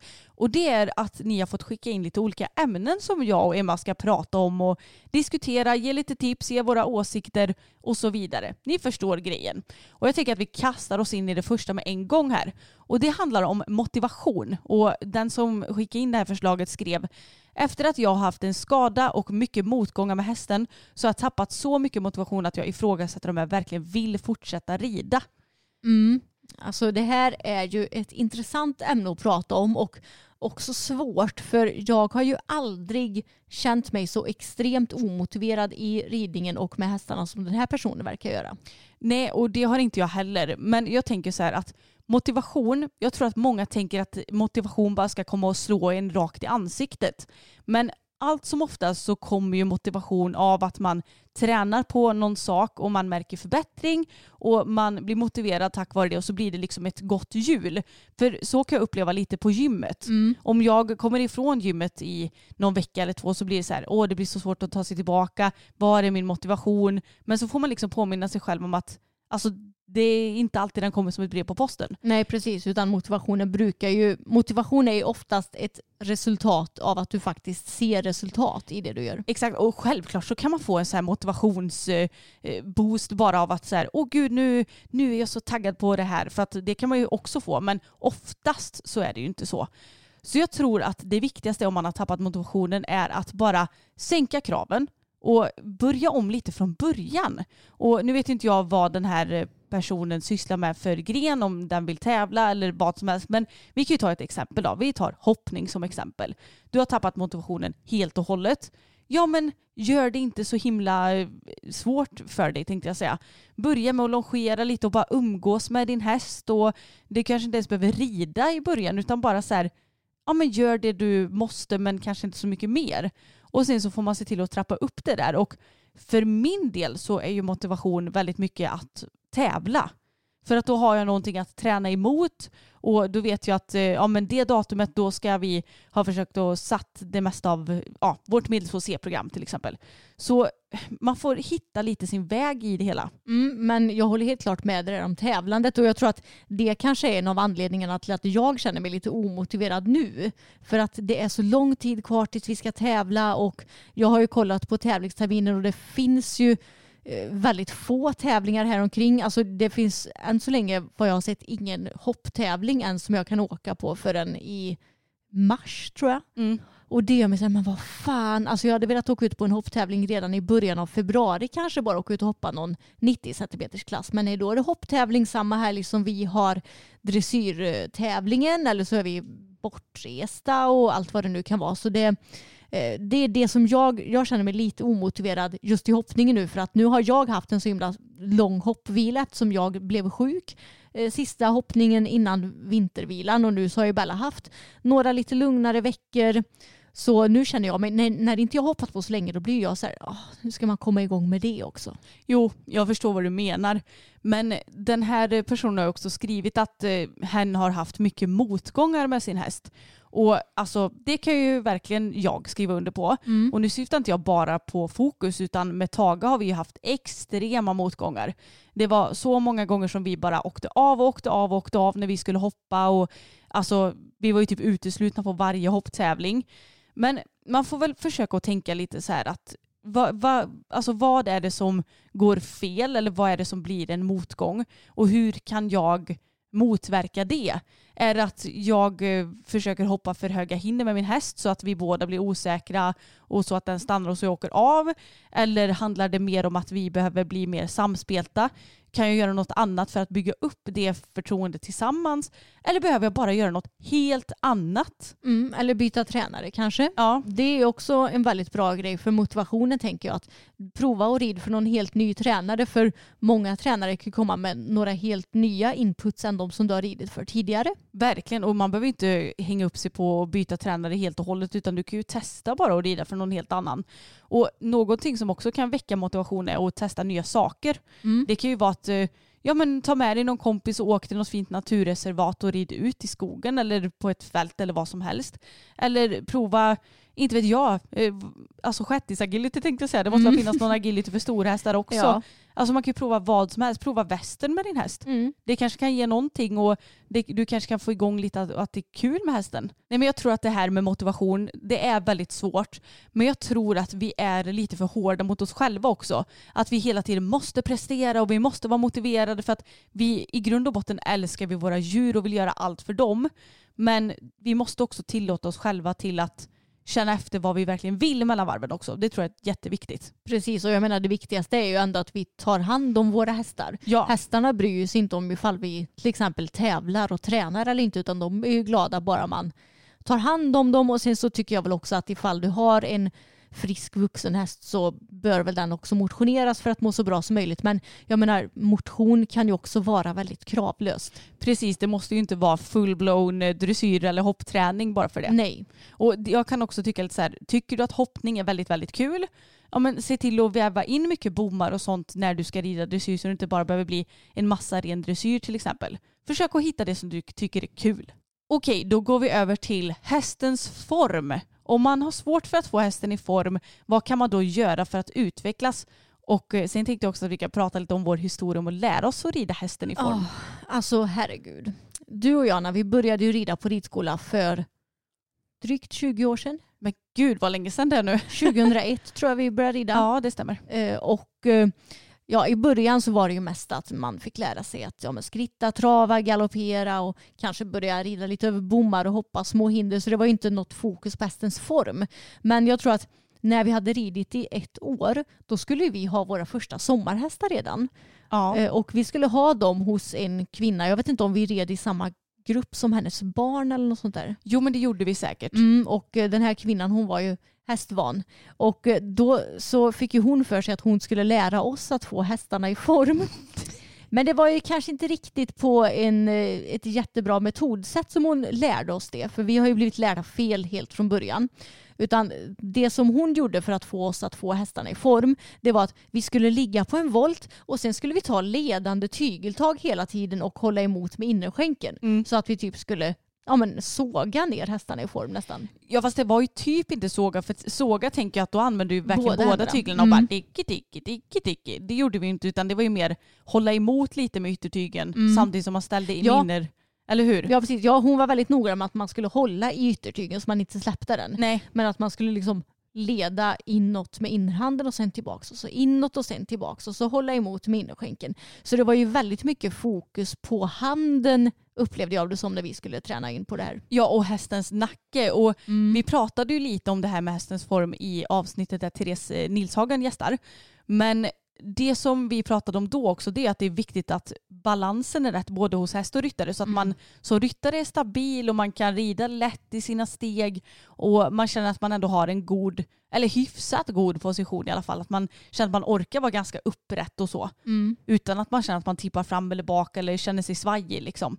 Och sen så gäller det att man verkligen får hästen framåt först. Ja, och det vet jag att jag ändå förstod ganska så tidigt. Det var väl kanske efter att vi hade haft hästarna på det sommarbetet och fortsatte att rida på ridskolan på hösten. Det var inte så att någon ridlärare hade sagt det till mig vad jag kan minnas. Jag kanske hade läst på själv i någon bok eller något sådär men jag, då förstod jag att okej, för, för att jag ska få ridskolehästen här i form så måste jag först tänka att hästen ska gå framåt. Så då minns jag att när vi travade fram hästarna till exempel så att jag gasade på ganska mycket så att hästen verkligen tog ut steget och så var jag noggrann med att ja, men försöka hålla en bra kontakt i handen. Och sen när hästen blev lite mjuk när vi hade ridit på lite volter och serpentiner, ja men då började hästen att söka sig nedåt i form. Så det kom liksom inte direkt i början av passet men när jag hade blivit lite varm i kläderna, när hästen hade kommit igång och blivit varm i kläderna så blev det så. så det är lite intressant ändå att jag ändå i början så fick vi lära oss att det var handen som skulle göra det. Men sen så förstod jag ändå ganska snabbt att okej men en bra form, det, eller en form där kommer ju ifrån bakbenen till att börja med. Ja men exakt och därför kan ju inte vi sitta och tro att vi ska få hästen i form genom att ja, men såga den i, hand, eller i munnen. För jag menar, då börjar man ju i fel ände. Så att man måste alltid tänka att det börjar bakifrån och då så är det viktigt att få hästen lite framme. Och alltså Tage och Fokus går väl inte i världens form de fem första minuterna av passet när jag travar för att jag låter dem gå lite mer fritt och sådär för att de ska komma igång i kroppen. Och alla hästar är ju otroligt olika. De, jag kan uppleva att de som är lite mer sega inom citationstecken, de behöver lite mer tid på sig och då kan de också behöva att trava fram lite utan krav. Men sen när man börjar korta upp tygen lite grann, då kommer formen lite mer naturligt. Och nu när vi ridit så pass länge, alltså det, det går ju typ inte ens att förklara hur man gör. Nej, det kommer ju bara automatiskt. Men jag tror att det här med form, det kommer komma automatiskt när du blir när du får en mer naturlig balans i sadeln. Mm. För, för att hästen ska vara i balans så måste du vara i balans. Och ja, men kort och gott, det börjar ju med att du använder din skänkel för att skapa en energi i hästen och du behöver inte använda mycket skänkel utan det beror ju helt på hur känslig hästen är men strävan är ju att använda så lite skänkel som möjligt. Mm. Och sen att den här energin ska röra sig från hästens bakdel, sen genom magmuskulaturen och hela överlinjen och sen till slut då fram till nacken så att hästen ska få en eftergift i den. Ja, och överlinjen kan vi ju bara säga att det är ju ryggen och även det går ju upp genom nacken också. Mm, så att alla är med på det. Mm. Och, eh, sen så ska du också få, kvar den här energin i hästen då genom att ha ett lätt stöd i handen. Mm. Och att du måste ju verkligen ha en balanserad hand för att kunna få tillbaka den här energin i kroppen. För ifall du sitter där med glappande tygel och händerna rör sig fram och tillbaks utan kontroll, då kommer ju hästen att hamna i obalans och då kommer den inte kunna gå med den här eftergiften som du vill ha. Det var väl förklarat Emma måste jag säga. Ja men det var det va? Jag men tror det. Jag vet inte riktigt eh, om det finns några specifika tips jag har. Kanske att man får träna lite balansträning och jag menar det kan du göra även alltså, utan, utan häst. Ja, vad heter sådana halvbollar? som finns? Bosu balls eller? Ja, precis. Mm. Bosu balls. De är Mm. bra att stå på. Mm. Eh, Men också så kan man ju under ridpassets gång, alltså det är alltid trevligt att få hästen lite mjuk i sidorna också när man ska lära sig att få hästen att gå i Mm. form. Eller ja, alltid, men kanske framförallt då. Så att, att ligga på serpentinbågar och volter, det är inte helt fel. Nej. Även om man inte behöver göra så måste att man verkligen ska tvinga ner hals eller Mm. hästens nacke. För eh, man ska göra så som du sa Emma. Ja, och gärna flytta hästen lite i sidled också. Ja. För när hästen blir lösgjord brukar den få lättare att gå i form och att gå i en stabilare form. Och hästen brukar ju bli lite mjuk och smidig om man får flyttat den lite i sidleds. Och det får man ju oftast lära sig ganska tidigt på ridskolan hur man gör det, vilket jag tycker är bra. Mm. Och sen så tycker jag alltid att det är väldigt bra att titta på hur ryttare gör. Men man ska också vara lite kritisk. Alltså ser man en ryttare som verkligen sitter och driver hästen i varje, varje, varje steg, ja då kanske man inte behöver apa efter allt den gör. Men man kan ändå titta på lite olika ryttare och se hur de gör. Ofta så kanske det inte syns så mycket hur de gör för att rida hästen i form för att det sker så naturligt. Men det är ändå nyttigt. Ett intressant ämne som vi har fått inskickat är när vi tycker att man är en hobbyryttare och när det går över till att bli en livsstil. Och eh, då tänker väl jag att personen kanske menar eh, alltså inte de personerna som jobbar med hästar utan att, mm, att ha det som en livsstil trots att du kanske har ett annat jobb. Eller hur tolkar du frågan? Ja, men precis. För jag menar Peder Fredriksson, det är självklart att han, han räknas ju som proffsryttare. För att han lever på hästarna och han gör ju inget annat. Nej. Men ah, det här är ju jättesvårt. Ja. För att jag skulle säga att vi har ju verkligen hästar som livsstil. Mm. Vi är ju Precis. inte bara några, alltså även om vi är på hobbynivå för att vi inte är några, eh, vi är ju inte i närheten av proffs liksom. Mm. Men det är ju ändå vår livsstil i och med att vi, vi andas ju också väldigt mycket häst bara att vi inte lever bara på våra hästar.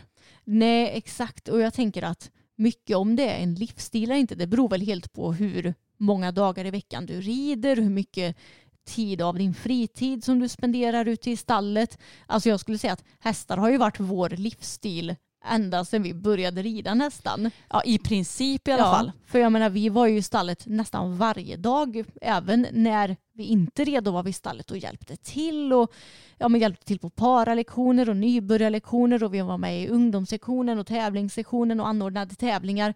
Alltså gör du allt sånt, då måste du ju inte nödvändigtvis rida varje dag för att det ska bli en livsstil. Nej, det håller jag faktiskt verkligen med om. Och egentligen så kanske man inte ens behöver rida för att ha hästar som livsstil. Nej. Jag menar det finns ju de som är uppfödare och aldrig sitter på en häst. Mm. Men de har ju också fortfarande hästar som livsstil. Mm. Men hobbyryttare då? Alltså när är man det tycker du? Ja men kanske eh, säg att du rider på ridskola någon, ett par gånger i veckan och sen kanske inte gör något mer egentligen med hästeriet de övriga dagarna. Eller så kanske du är medryttare på en häst ett par gånger i veckan. Då skulle jag också säga att du är en hobbyryttare. Men alltså jag kan, jag kan ändå tycka att man är hobbyryttare ibland om man, även om man har egen häst.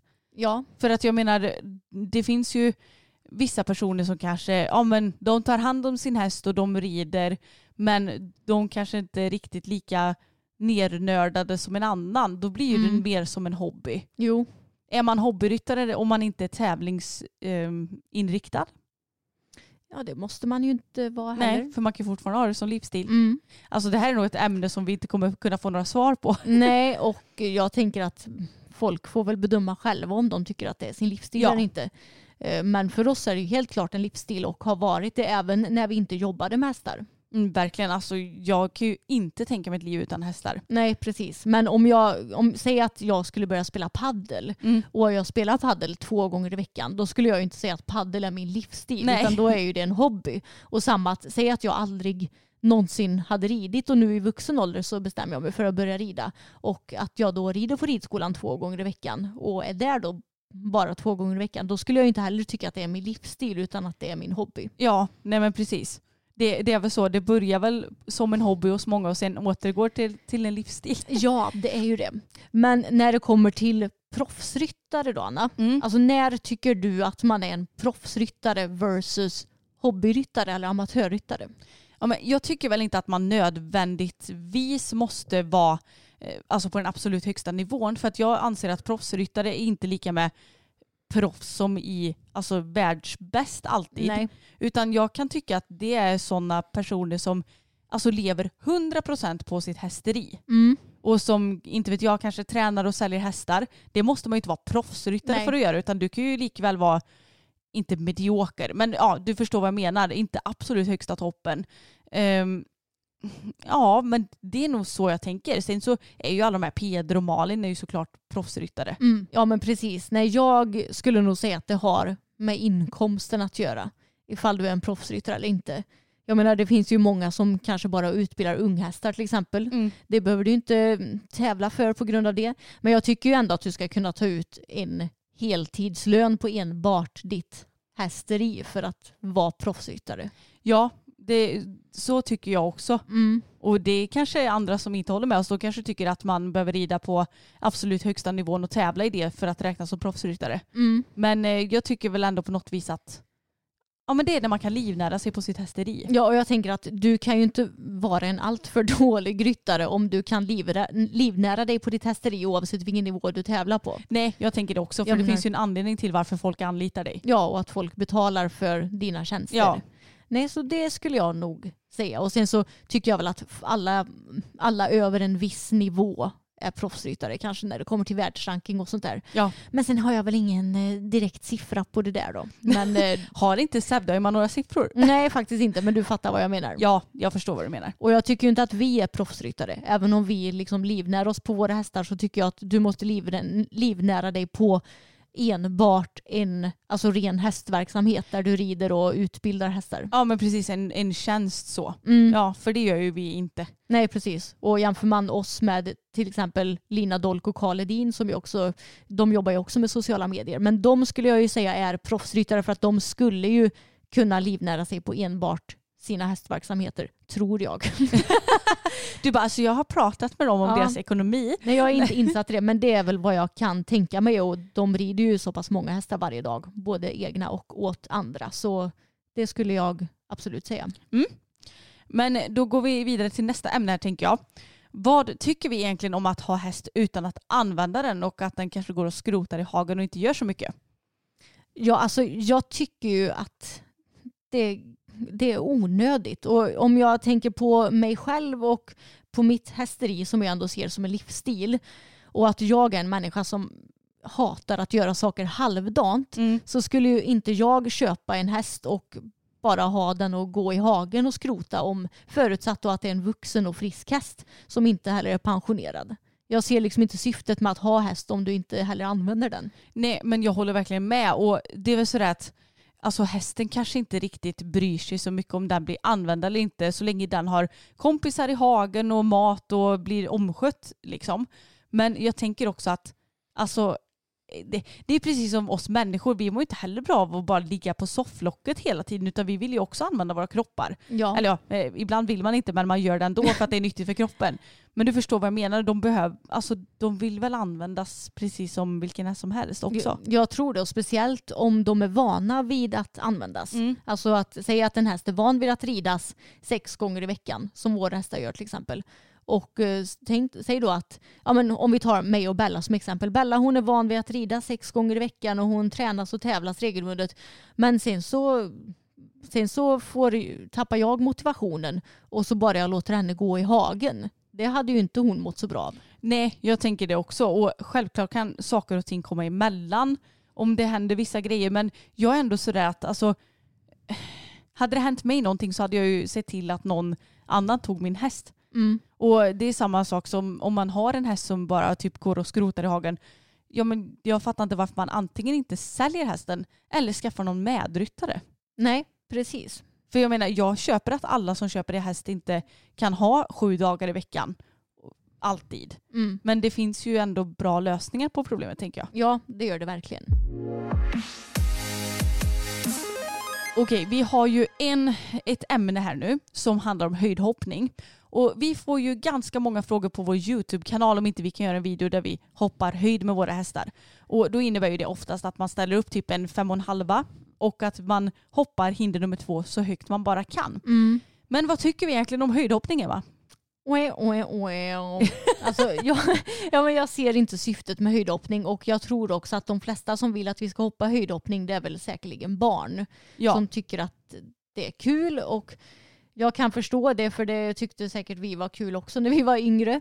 Men nu är vi vuxna och har ju ändå något sorts, eh, vad ska man säga, konsekvenstänk och förstår att ja, men höjdhoppning det är liksom inte optimalt i träningen av våra hästar utan vi tränar hellre på annat och att hoppa ett hinder högt det kommer inte göra att jag kommer hoppa min enmeters bana på tävling bättre. Nej men det är ju verkligen så. För jag menar det spelar ingen roll om jag och Fokus sätter upp några hinder och jag bara åh wow vi klarade av att hoppa 1,30 eller vi klarade av att hoppa 1,40 och sen så ska vi ut och tävla 80 centimeter liksom. Nej. Okej nu överdrev jag lite såklart. Men det gör ju inte mig någonting när jag väl ska ut och tävla min bana. Nej, exakt. Och jag menar, tittar du på de stora hoppryttarna, det känns ju som att det är väldigt sällan som de hoppar riktigt högt hemma. Ja. De hoppar ju inga 1,60 banor hemma, nästan någon av dem skulle jag kunna garantera, utan då är det mer jobb på ja, både markarbetet och eh, kanske lite lägre banor och sen på tävling, det är då som hästarna ska gå lite högre. Men att sitta och hoppa, ja men typ, tänk om Malin och Peter skulle sitta och hoppa hinder på två meter för att det är skoj liksom. Mm. Det skulle ju inte ske. Nej, det är det jag menar. Och alltså jag, jag kan ju tänka tillbaka på när vi typ köpte vapen ganska nyligen. Då var det lite kul, man hade en häst som ingav mycket självförtroende efter att ha åkt i backen väldigt många gånger med Tage. Ja. Så var det ju lite kul att eh, ja, men ändå pressa upp höjden lite grann. Ja. Och då vet jag att jag har, hopp, jag har hoppat ett hinder på 1,25 vilket jag tycker är jättehögt. Eh, men jag ser verkligen inget syfte att göra det längre. Även om det är så här, självklart så ska man på något vis utmana sig själv med höjden lite ibland om man känner för det. Men jag ser inget syfte att hoppa ett hinder som blir lite högre utan då tycker jag ju att det är bättre att successivt höja banorna på träning då. Mm. Att man kanske kan ta fem centimeter i taget så att man vänjer in sig vid nya höjder. För eh, ja, men att bara hoppa ett hinder med hjälphinder innan som det alltid brukar vara. Det, jag förstår inte syftet. Jag håller med fullt och eh, Helt och hållet. jag håller med helt och hållet. Ja. Precis. Men eh, det finns ju också ett tävlingssätt. Heter det six bar? Ja. Då brukar de ju också, det är ju höjdhoppning fast på tävling. Mm. Vad känner du om den saken? Oh, herregud vad jobbigt känner jag främst att tävla. Tänk om man kommer in lite sådär halvdåligt i så första kombinationen. Sen ska det bara bli högre och högre och högre så har man fem hinder kvar också. Ja, alltså jag kan känna lite så här. Det, vi vet ju att det arbetet som vi håller på med med hästarna, det, det riskerar att slita på dem. Varför ska man då sätta upp ett tävlingssätt där det absolut sliter mer på dem? Ja jag vet. För att man ska hoppa så högt som möjligt för att det typ är kul för pu- publiken. Ja men det känns inte som att det är lika vanligt längre heller med sixbar. Nej, det tror jag inte att det är, men jag, eh, jag vet ju att det förekommer. Mm, precis, så nej, vi är inga fan av höjdhoppning kan man säga utan ser väl mer på vår träning och vad vi tycker att andra borde göra med sina hästar som lite mer hållbar. Okej Anna, jag tänkte att vi ska ta och snacka lite om kläder för manliga ryttare. Mm. Vi har ju ändå en pappa som rider så vi är ju lite insatta i utbudet av manliga kläder. Och eh, det är ju kanske inte så föga förvånande att utbudet av manliga ridkläder är betydligt lägre än utbudet av kvinnliga kläder. Nej. Vad har du för tankar om det? Ja, alltså, jag har väl inte funderat sådär jättemycket på det för att jag menar det är inte så ofta jag går och ska köpa ett par manliga ridbyxor för att de passar väl ändå inte mig Mm. eftersom de är betydligt rakare och midjan inte lär passa. Men det är klart att man kan reflektera ibland när man går där i butiker. Vi var ju senast och besökte ett Högs eh, ja, men häromdagen bara. Och alltså, jag kan inte ens minnas att jag såg ett par manliga ridbyxor. är samma här. så eh, på något vis så tänker man väl ändå på det även fast man kanske inte tänker direkt på det. Mm. Och Exakt. framförallt så är det ju rätt tråkiga kläder när det kommer till manliga sidan. Ja, det känns som att det är väldigt mycket same same. Och nu på tal om Högs när du sa det så kom jag på att eh, jag skulle ju in på Högs och köpa ett par vinterridhandskar till pappa för att han gnällde så över att han frös så mycket om fingrarna. Men det fanns ju inga handskar i mansstorlek utan det fanns liksom bara upp till storlek large och låt mig säga att storlek large hade inte passat pappa. Nej, alltså det här är också ett fenomen som är så typiskt Emma och pappa. Det är så här Hans-syndromet. Om det som man egentligen vill ha inte finns, nej men då köper man typ bästa andra alternativet istället för att skita i det. Så då kommer Emma hem med ett par handskar i storlek large. De var typ lite för stora för mig och jag har kanske 6,5-7 i handskstorlek och pappa Ja. har nog typ 10. Så jag menar han hade inte ens kunnat få in fingrarna om han hade böjt på dem så här. Nej, jag, Det är så typiskt er alltså. jag vet inte vad jag tänkte på.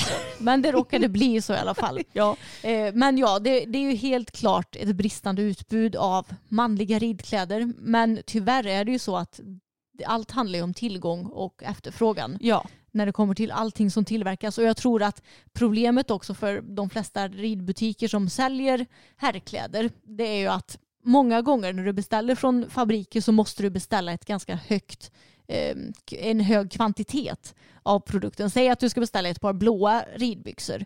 Då kanske du måste beställa 500 blåa ridbyxor. Mm. Och sen kan det vara i olika storlekar att du kan fördela däremellan. Men du måste fortfarande beställa 500 blåa ridbyxor och då måste du vara säker på att de här 500 ridbyxorna blir sålda. Annars kommer det ju gå med förlust på det hela. Exakt. Men det är ju lite tråkigt att det inte finns någon engagerad alltså hästdesigner där ute som skulle kunna skapa ett manligt ridsportmärke. Det kanske finns redan men det, jag tror inte det. För då borde Nej. det ha varit lite mer snack om det tänker jag. Mm. För jag menar, då hade det kanske kunnat bli ja, men ett bättre utbud, kanske bättre passform. Fast jag, jag kan inte minnas, alltså är vi väldigt gnälliga som kvinnor eller har killar allmänt bara lättare för att hitta kläder? Jag, alltså jag har aldrig hört Samuel gnälla över ett klädesplagg. Nej, jag vet. Jag kan vara såhär, åh de här var låga i midjan, de satt för och på låren och, och den här tröjan var lite för stor. Alltså jag har alltid något att gnälla på nästan känns Mm. som. Men det kanske är för att herrplagg är ju generellt inte lika tajta som kvinnoplagg. Nej och det känns ju också som att vi kvinnor har ju, alltså det kan ju finnas raka och nätta kvinnor och det kan finnas kvinnor som har mycket kurvor och man, man kan ha stor överkropp och små ben och tvärtom. Alltså Mm. vi ser kanske lite mer olika ut än vad män gör. Ja, men det skulle jag säga. Eh, Ja. Om man får vara lite Ja, generaliserande. nu är vi det. Mm. Nej men jag, det stämmer, jag har nog inte heller hört någon man gnälla på kläder faktiskt. Nej. Men det, ja, och det är som du sa förut att det är lite tråkigt att de flesta manliga ridkläder är ju väldigt lika varandra. Det är samma färger, alla ridbyxor ser typ exakt likadana ut. De är lite pösiga, de är låga i midjan, de har lite fickor här och där. Ja, det är väl det typ. Ja och sen fattar jag att det kanske är svårt att satsa på så här kläder bara ah, nu tar vi in orange eller röda Ja. eller rosa eller knallgröna. Alltså, Mm. Det kanske inte kommer sälja alls. Nej. Men det känns lite tört. Mm, jag håller med. Men samtidigt så är det ju svårt när det är den här tillgången och efterfrågan som styr hela marknaden. Ja. Så jag vet inte riktigt hur man skulle kunna lösa det här problemet. Det är att få fler eh, herrar att börja rida kanske. Ja, och om det finns någon man som lyssnar på det här just nu och känner att eh, ja, men det hade varit kul att designa ridkläder. Alltså jag tror att det är riktigt bra. Mm. Att verkligen skapa ett, eh, ett herrmärke inom ridsporten. Mm. Det tror jag hade varit en bra idé. Ja, men när vi ändå är inne och snackar om det här med lite mode, Anna, Mm. ska vi försöka spå i framtiden och eh, komma underfund med vad vi tror kommer bli trendigt under året när det kommer till utrustning. Alltså det här är ju en väldigt intressant grej. För att det har ju funnits otaliga trender genom åren. Mm. Ett tag var det ju rutiga ridbyxor som gällde. Rutig ridbyxa or you're out liksom. Mm. Och ett tag så skulle man ha så stora blaffiga loggor på schabraken. Mm. Och ett tag så hade alla röda kavajer. Mm. Men just nu så känns det ju som att vi bara blir typ tråkigare och tråkigare i vår stil vi ryttare. Ja men verkligen och förut var det också mycket mer bling, det var Mm. lack, alltså det var mycket mer alltså, grejer som stack ut. Ja, mycket färger Mycket också. färger och det var ju väldigt populärt med typ cerise till exempel Mm. förr i tiden inom ridsporten. Och jag snackar, det känns som att de, de här trenderna var kanske så starkast för typ tio år sedan. Ja, Eh, Kanske lite mindre än tio år sedan också men ungefär den tiden. Då var det mycket tydliga trender inom ridsporten. mm. Och nu tycker inte jag att man har sett en tydlig trend inom ridsporten på alltså, många år. Nej, alltså det enda jag kan komma på på rak arm det är att väldigt många ridsportmärken designade tävlingsskjortor med spets, eller vad heter det? Mm. Ja, men alltså annars så finns det, det finns ju ingenting som sticker ut längre direkt. Det gör ju inte det och det som har blivit populärt är ju ridbyxor eller ridleggings med den här alltså nästan träningstights-materialet. Mm. För det fanns ju inte heller för tio år sedan utan det är ju någonting som har kommit nu det senaste. Men det har ju inte heller så jättemycket med själva designen att göra tänker jag. Nej, precis. Och det är klart att det har ju verkligen blivit en inflation i ridleggings, vilket ju är skönt för att de är ju sköna, även om vi sa att tycker att de glider ner lite och, och Fiffi inte riktigt får stöd. Mm. Men annars, alltså det är jätte, jättesvårt. Ja, alltså, jag hoppas ju på att vi ska bli lite mer färgglada framöver. ja, alltså just nu känns det som att det är ju marinblått, brunt, svart, grått, eh, Vinrött på och på sin höjd också eh, Skogsgrönt. Skogsgrönt ja. Det är ju de färgerna som finns. Och visst, jättefina färger, det passar till mycket. Men hallå, är vi så jävla trökiga? Förr i tiden så hade man ju de här röda ridbyxorna från Give var ju Mm. jättepopulära. Exakt. Varför är det ingen som har sådana knallröda härliga byxor längre? Det är ju jättefint och det passar ju dessutom typ alla färger. Mm. Men jag, alltså, jag kan ju bara tänka på mig själv. Jag är ju också rätt tråkig. Men det blir ju så lätt för att ja, men man köper ju det som finns i butikerna och då är det ju det som är trendigt just nu. Mm. Så att det är väl kanske inte så konstigt. Men ja, jag, jag hoppas på lite mer färg men jag tror inte att det kommer bli det. Jag tror att det här året kommer vara lika tråkigt som, som föregående år får jag säga. Jag tror det också. Alltså det känns som att det är ganska sportigt och cleant nu. Det är väldigt lite bling skulle jag säga. Ja. Speciellt på kläder. Det kanske är lite blingaktigt eller glitter, glitter på hjälmar men eh, väldigt lite på kläder. Ja. Ja, alltså jag måste ju säga att jag tycker att det är fint för annars skulle jag inte haft det själv med lite neutrala färger och Mm. sånt där. Men som sagt, det är lite tråkigt. Mm. Eh, till, när det kommer till hästutrustning då, tror du på något speciellt där när det kommer till ja, men typ schabrak och träns och allt vad det nu kan vara? Eh, Bra fråga. Det kommer säkert släppas någon ny innovativ nosgrimma för det känns som att det kommer något nytt varje år. Ehm, kanske att man kan till och med lyckas få en nosgrimma med tre nosgrimmor. Det är ganska intressant. Ehm, jag hoppas ju att det blir lite mindre av de här kedjenosgrimmorna som vi såg eh, någon gång. Mm. Nej, jag Just skojar. det, det har vi tagit upp i podden. Ja, Mm. men eh, nej det är jättesvårt att säga alltså. ja. Vad tror du? Jag håller med. Ja, men om man tar schabrak till exempel. Det känns som att det inte heller finns någon tydlig trend längre. Nej. Utan det är ju mycket, ja men Equestrian Stockholm och PS har väl de populära schabraken. Mm. Det känns som att det kanske kan bli ännu lite mer så här gull-gull mm. framöver. För att jag vet att PS släppte ju något schabrak med så här krås nästan längs Ja, just det, ja. kanten. Det, kanske kan komma lite mer sånt med lite rosetter eller någonting. Alltså det känns som att det blir lite mer puttinuttigt fast stilrent typ. Mm. Och våren brukar ju alltid kantas av pastellfärger. Ja. Jag hoppas ju att det kommer lite också på ridbyxor. Alltså nu är inte jag någon lila tjej egentligen. Men det hade ju varit väldigt fint med typ lavendellila ridbrallor. Verkligen. Så ja, men jag, jag hoppas på mer färg helt enkelt. Mm. Jag hoppas också på mer färg men sen så tror jag ju kanske inte att det kommer hända. Och vi kan väl knappt spå vad som kommer bli några framtida trender eller vad säger du? Nej, jag äger ju ingen kristallkula tyvärr. Nej, inte jag heller. Men jag tror nog att det kommer tyvärr se ut ungefär som det har gjort det senaste. Jag hoppas ju på att trenden när det kommer till ja, men, häst, eh, hästsportprodukter att det ska bli lite mer less is more också. Mm. Alltså jag tänker typ på trends att man ska rida med, eh, man behöver inte liksom snurpa ihop hästens mun med 20 remmar och och liksom rida med massa hjälptyglar och sådär. Men det tycker jag ändå redan har börjat ske lite grann eh, hos majoriteten. Men sen är det klart att vissa märken fortfarande släpper vissa nosgrimmor till exempel som man undrar vad fan de tänkte med när de skapar dem. Ja, alltså du hoppas ju inte på att det kommer en tredubbel nosgrimma. Nej men exakt. Eh, För det hoppas ju verkligen jag. Ja Nej. det vet jag att du gör. Okej, men nu ska vi prata lite om uppsittning. För att det är ju ändå ett ämne som alltid är aktuellt för att eh, ja, man vill ju få hästarna att stå stilla när man ska sitta upp. Ja eller vill man det i frågan? Ja det är frågan, men folk är ju ganska lata och låter ju sin häst bara springa iväg känns det som. Ibland känns det som att det bara är du och jag som vill att våra hästar ska stå still när, de, när vi sitter upp. Ja, det, det är vi som är lite gnälliga tycker du? Ja, men ja, och man blir väl gnällig också när man är så jävla osmidig som jag är. Då måste man ha en häst som står still. Och eh, vi får ju ofta frågan hur gör ni för att era hästar ska stå still när ni sitter upp? Och alla tre är ju väldigt snälla att hoppa upp på och stå still. Ja, alltså jag får ju säga att det är ju lite svårt att lära en gammal hund att sitta. Så lilla Tage han smyger alltid iväg i ett skritt, men han är ju inte en snabb häst. Nej, Så att man hinner ändå sitta upp. precis. Men sen smyger han iväg i snigelfart. Mm, men det är många som undrar, men hur gör ni för att hästarna ska stå stilla? Och det är ju inte svårare än så att man ber dem att stå still och sen hoppar man inte upp förrän de står stilla. Och om de går iväg när du hoppar upp, ja då stannar du och sen så ryggar du till ursprungspositionen.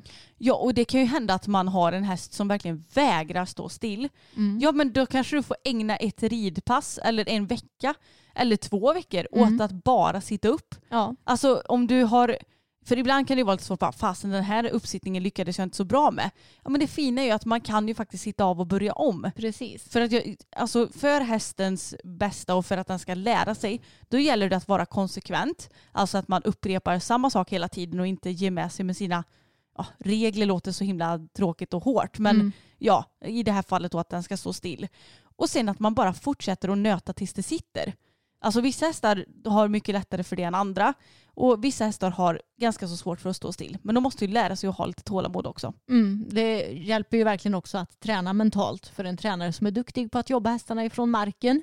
Det finns mycket hjälp där att man kan få när det kommer till uppsittning. Även att liksom få hästen att ställa sig bredvid pallen och så. Det har jag och Bella jobbat med lite nu det senaste. Och sen att hästen ska vara bekväm att stå bredvid pallen. Jag tror att många kan känna sig kanske stressade i det momentet och att det är därför som de vill gå iväg. Så att man även försöker komma lite till grunden med ja, men varför går hästen iväg? Är den stressad? Trivs den inte när jag sitter upp? Är det kanske något problem med sadeln? Alltså det kan ju vara så himla många olika grejer som det beror på. Eller så är det bara en olat som hästen gör för att den har lärt sig att ja men så fort min ryttare sätter foten i stigbygeln då ska jag gå iväg. Mm.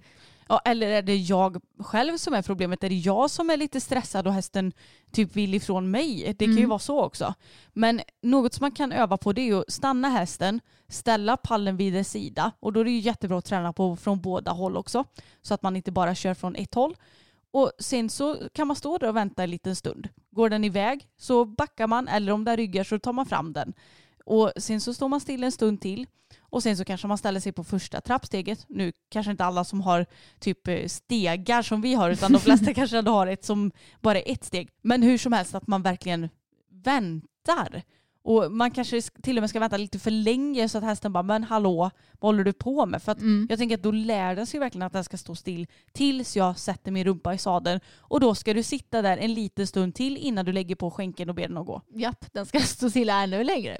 Ja, de tycker inte att man är så roliga. Nej. Men eh, de lär sig också. Och nu kan jag känna lite att fokus har...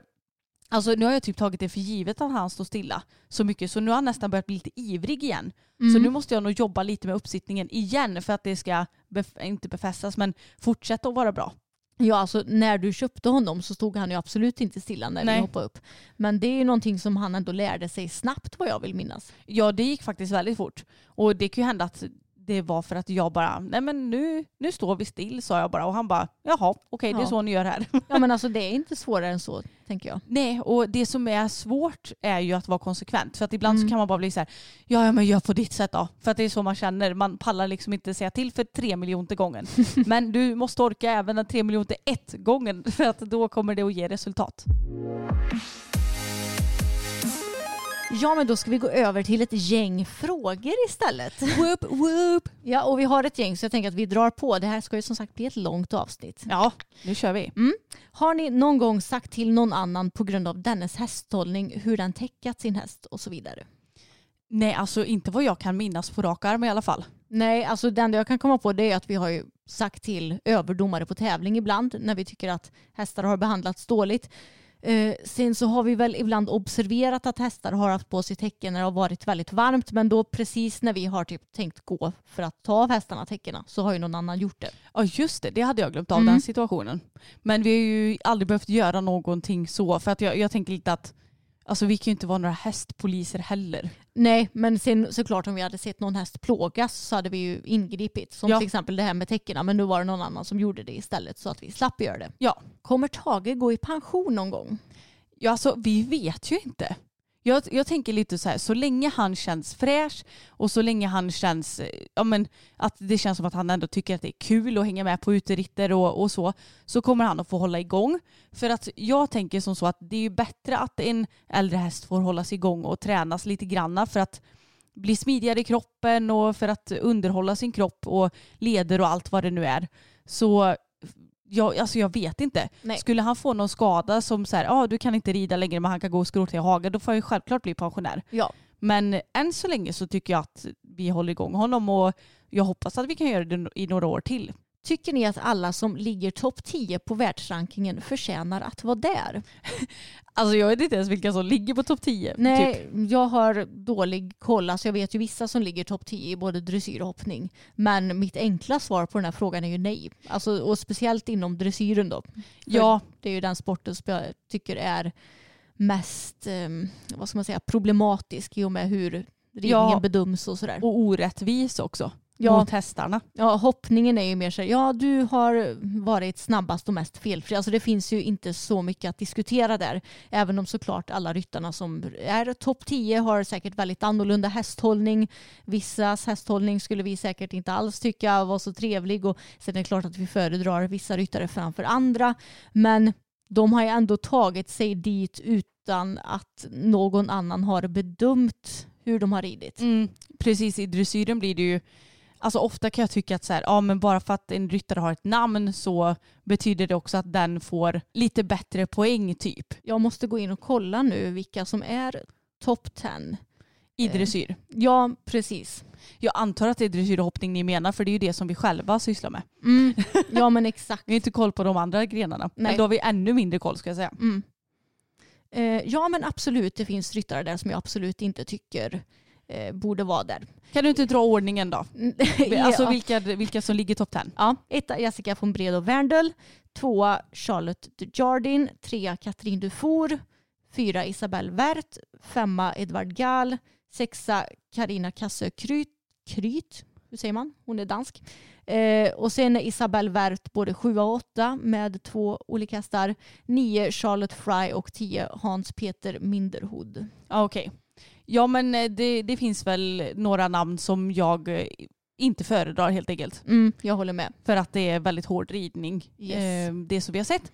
Och sen så topp ett tycker jag ju verkligen är väldigt välförtjänt. Ja, ja absolut.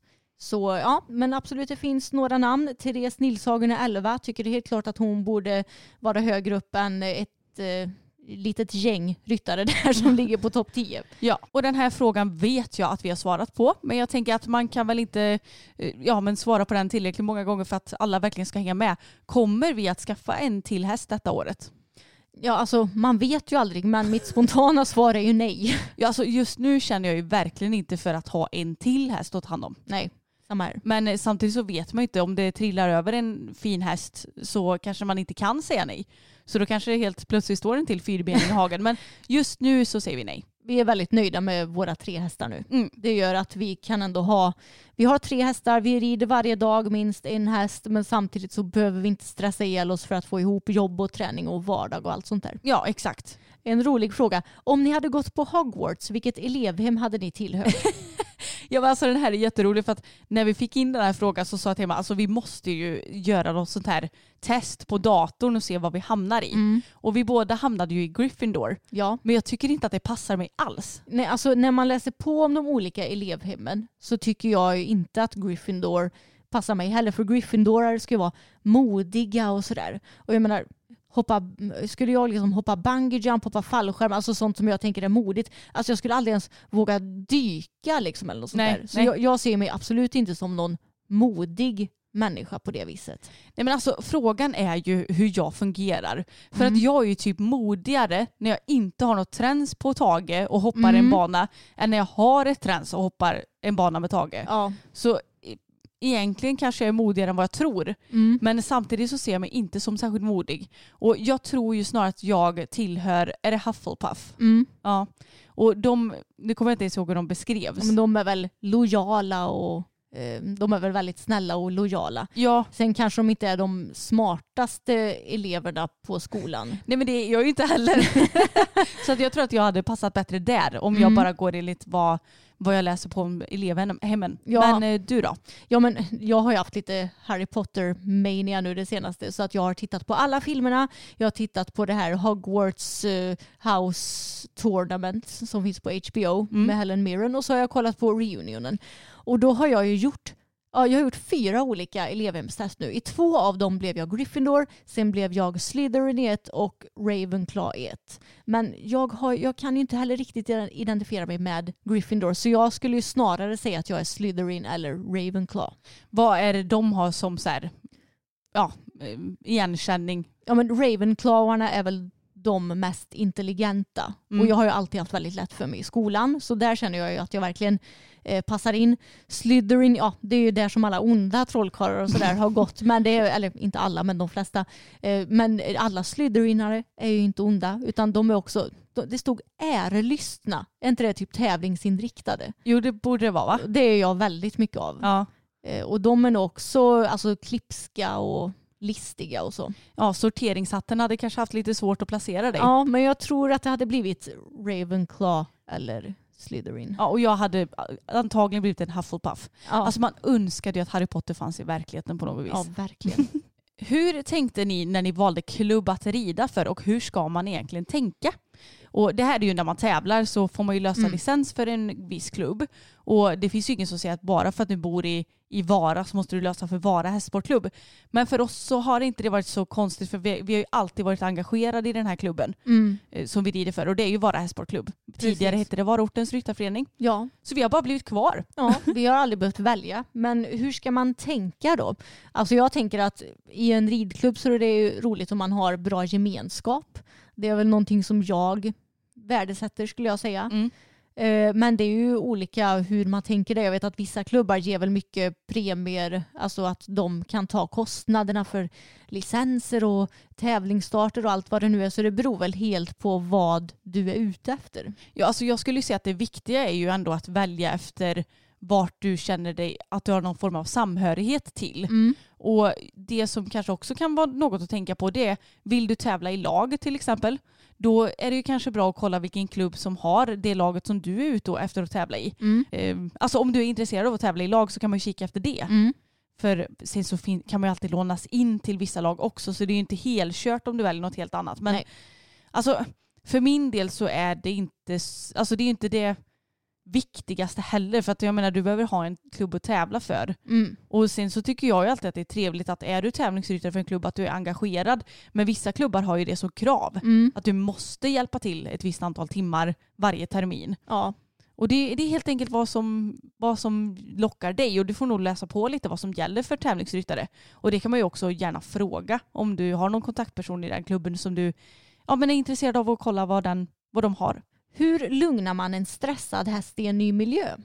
Ja, det här är ju ändå ganska så, det, det är inte alltid jättelätt om hästen är väldigt, väldigt stressad. Jag vet ju hur det är, för jag har ju en fokus som lätt går upp i stress när han Mm. inte känner igen sig.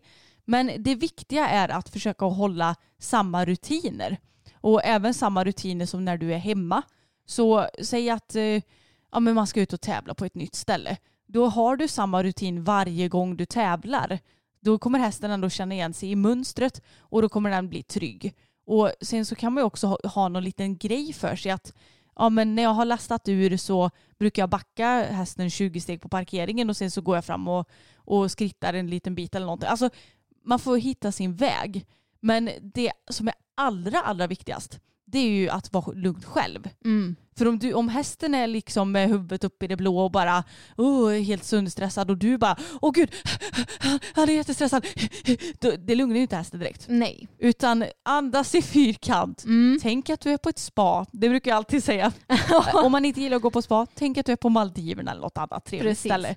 Och bara försöka så här, så blunda lite, få ner andningen, få ner pulsen, stryk lite på hästens hals, prata med den, säg att det inte är någon fara, säg att ni ska åka hem igen sen när ni är klara. Alltså jag, jag tror bara att för många hästar handlar det nog också mycket om rutin. Mm.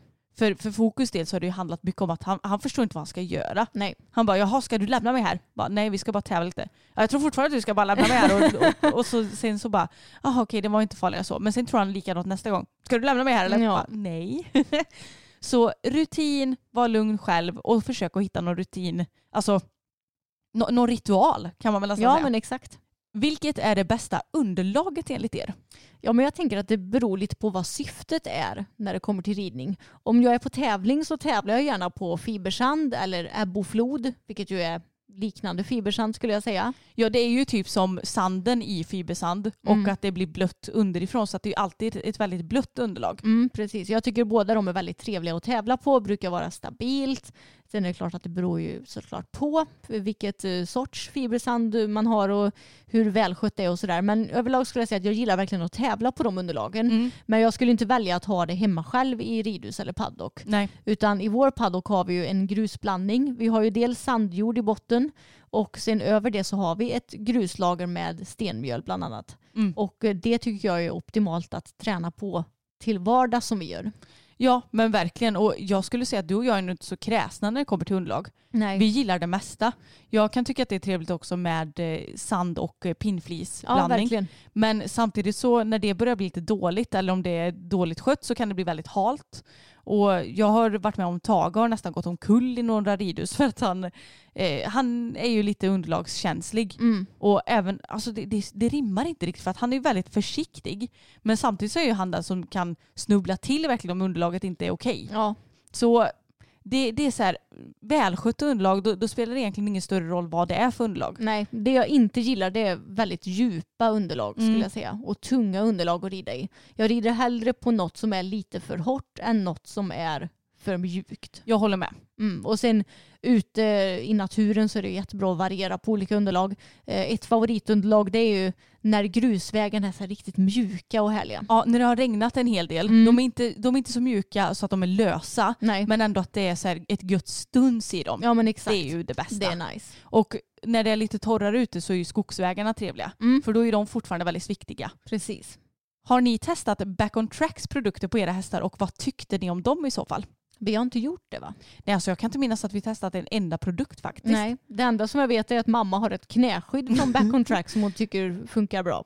Ja, hon tycker att det är superbra Mm. så att deras produkter är säkert väldigt bra. Mm. Men det är också så himla svårt med sådana produkter som är lite så här rehabiliterings för att det är så här Ja, min häst är väldigt fin i ryggen nu. Om man nu använder deras så här ryggplatta eller vad man kallar den. Mm. Men hur hade det varit om jag inte använde den? Det kanske hade varit likadan. Alltså, Ja. Man kan ju aldrig jämföra med och utan på samma häst på samma period. Om Nej, ni förstår vad jag menar. ja, jag fattar vad du menar.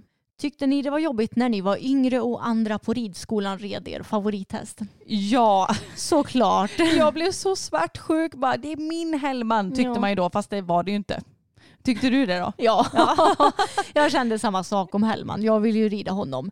Men sen så fanns det nog inte direkt någon häst som jag ogillade heller på ridskolan vad jag kan minnas. Nej, alltså samma här. Jag vet bara att i början var jag ju lite rädd för Hachi hette hon ju Mm. och Alaska. Jo, Som ju visade sig vara dösnäll när hon väl flyttade från ridskolan. Ja. Hon trivdes väl antagligen inte där. nej. Och jag var nog lite för liten för att rida henne från Mm. början.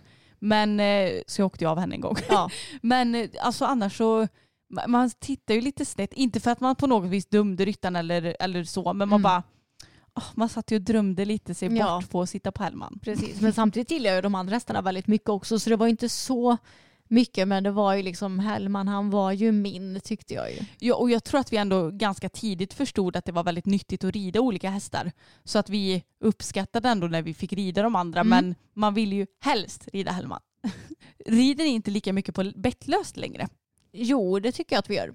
Ja. Alltså jag rider ju Bella på bettlöst minst två gånger i veckan. Två till tre gånger i veckan. Mm. Hon har ju bettlöst nästan varje gång jag rider ut på henne. Ja, och Fokus brukar också nästan alltid ha det när jag rider ut. Och det är klart att jag rider ju inte lika mycket som när jag bara hade det bettlösa och red på. Men eh, rider vi ut så brukar jag i regel ha det på honom. Mm. Jag tycker det är ganska skönt för att om han nu skulle rycka till eller typ hoppa ut i något dike eller något, han kan ju göra det ibland, Mm. då råkar jag inte dra honom i munnen. Nej. Utan då, då drar jag honom pyttelite på nosen istället. Ja, alltså de enda situationerna som det inte är bra att ha bettlös på hästarna när man rider ut, det är ju om de blir så skrämda så de blir helt apatiska. Där man egentligen behöver liksom verkligen kunna ja, men men typ- svänga, leda ner dem och svänga runt dem och sådär. Ja, Eh, det har ju hänt ett par gånger med Bella. Eh, och då har det inte varit jättepraktiskt att ha på det bettlösa då. Men eh, allt som oftast tycker jag det är väldigt trevligt att ha bettlöst när man rider ut. ja, och man kan ju inte veta innan om de kommer bli apatiska Nej. eller inte. Exakt. Tips man kan tänka på vid lastträning. Alltså jag skulle säga att det viktigaste är fokusera inte på att hästen ska gå in hela hästen på en gång. För att jag tror att det är så himla många som tänker att Åh, nu ska vi lastträna, då måste hästen gå på för att annars har jag misslyckats och annars kommer den lära sig att den inte måste gå på på en gång. Men hästar funkar inte riktigt så. Nej. Det är många hästar som tycker att det är jobbigt med lastning för att de är klaustrofobiska av naturen. De kanske har varit med om något traumatiskt när det kommer till transport. De kanske inte fattar syftet.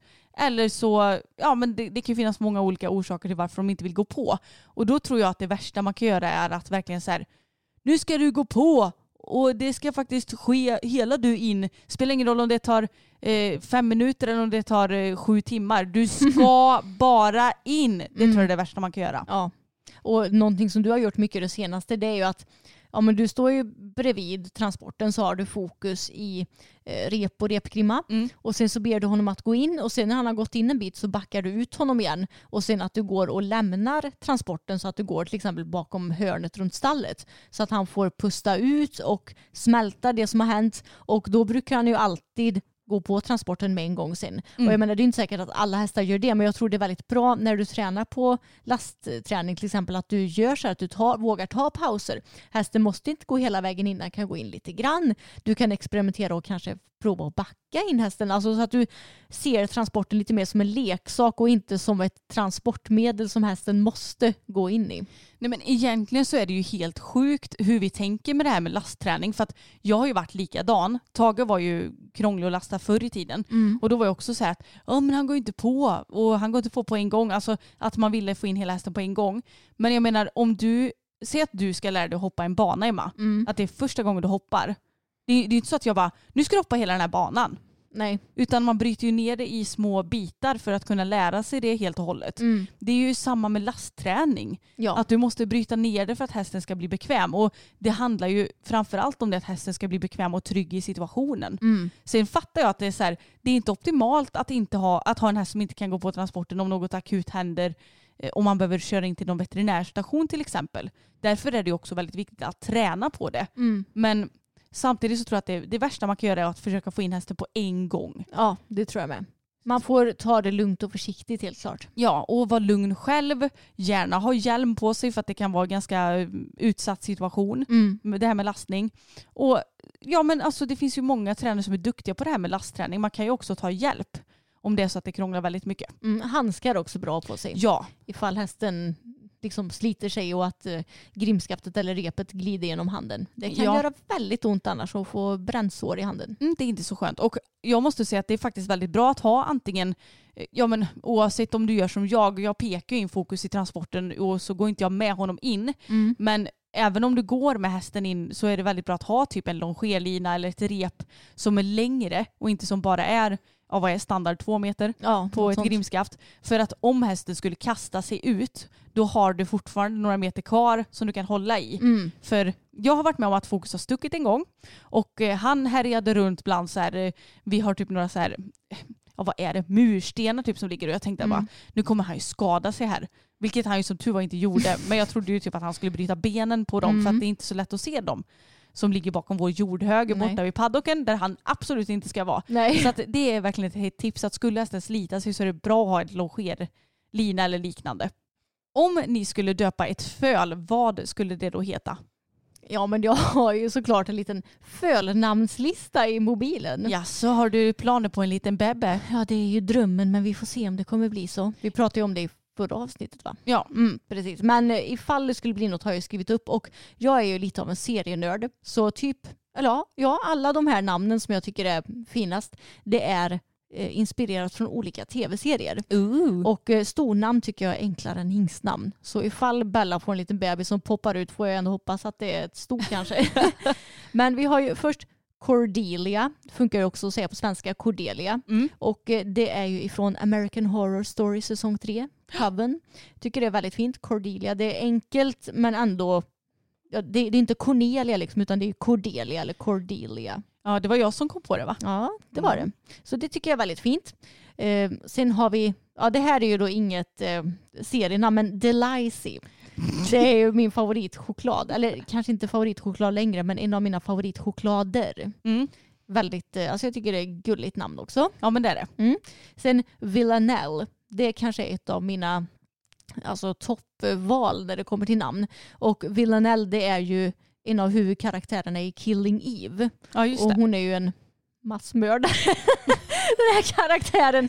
Eh, Så det är lite, lite roligt. Men eh, jag gillar verkligen den karaktären i serien. Hon är så rolig, så snygg.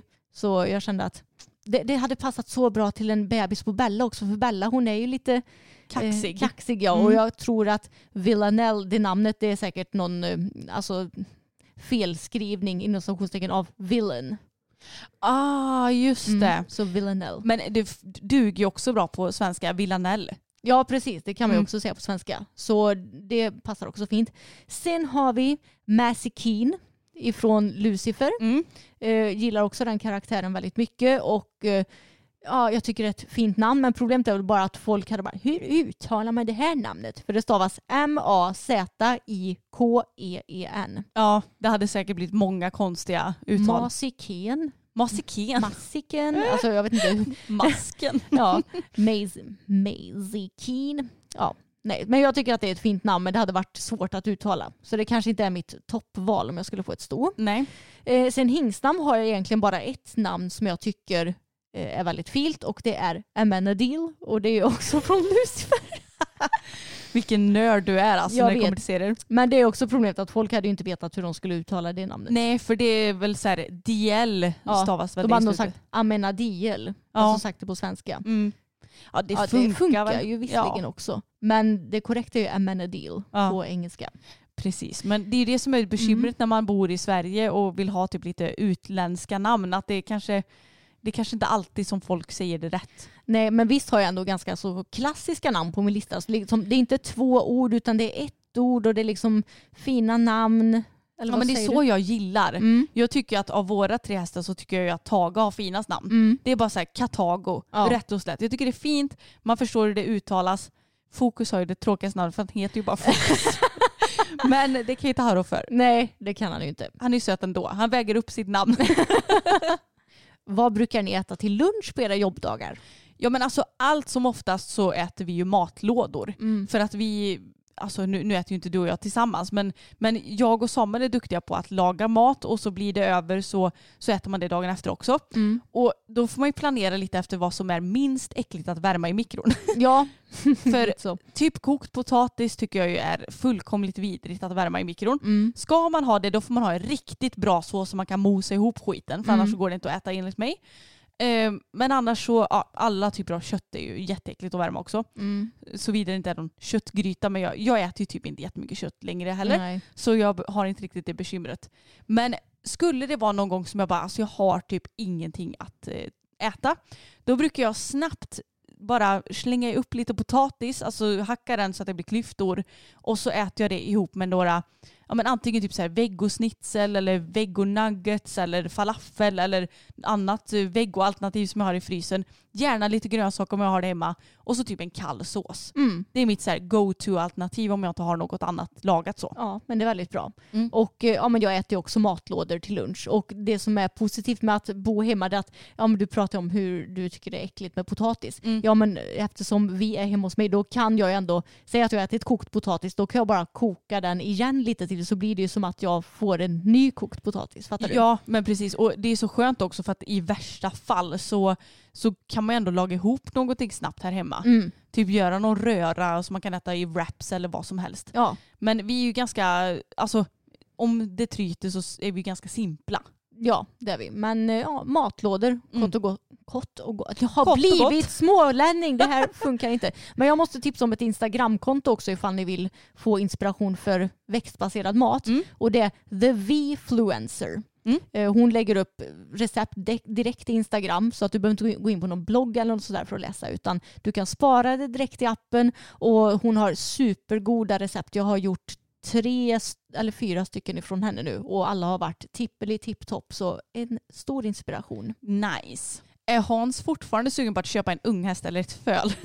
Nej men han har inte nämnt något om det det senaste. Nej och vi vågar typ inte fråga. Nej, det är bäst att låta bli. Så, men han är ju lite eh, impulsiv kan man väl säga. Så Ja. att, eh, det, det var väl en tanke han hade förr men inte nu längre.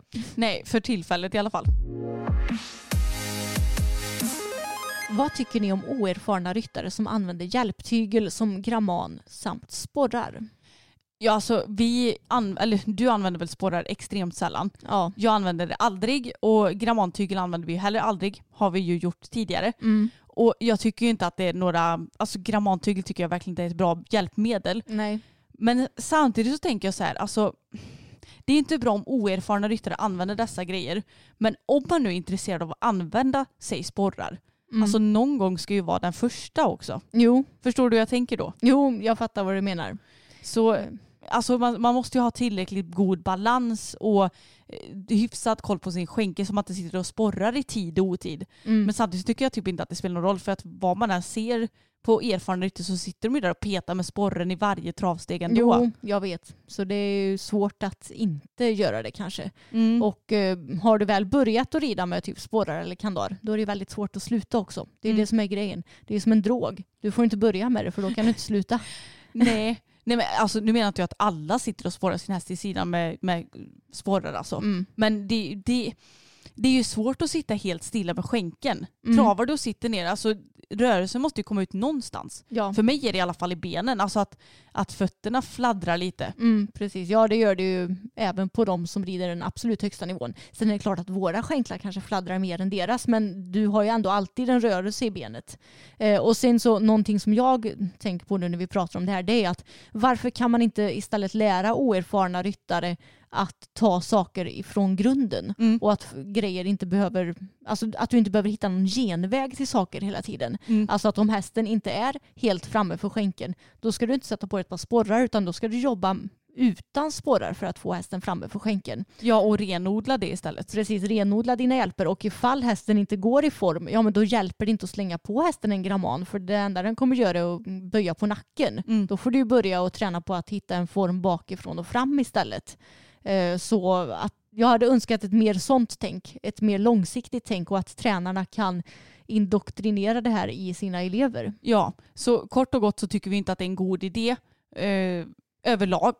Mm. Vad tycker ni om otrevliga och otacksamma barn som är otrevliga på tävling? Har du varit med om det Emma?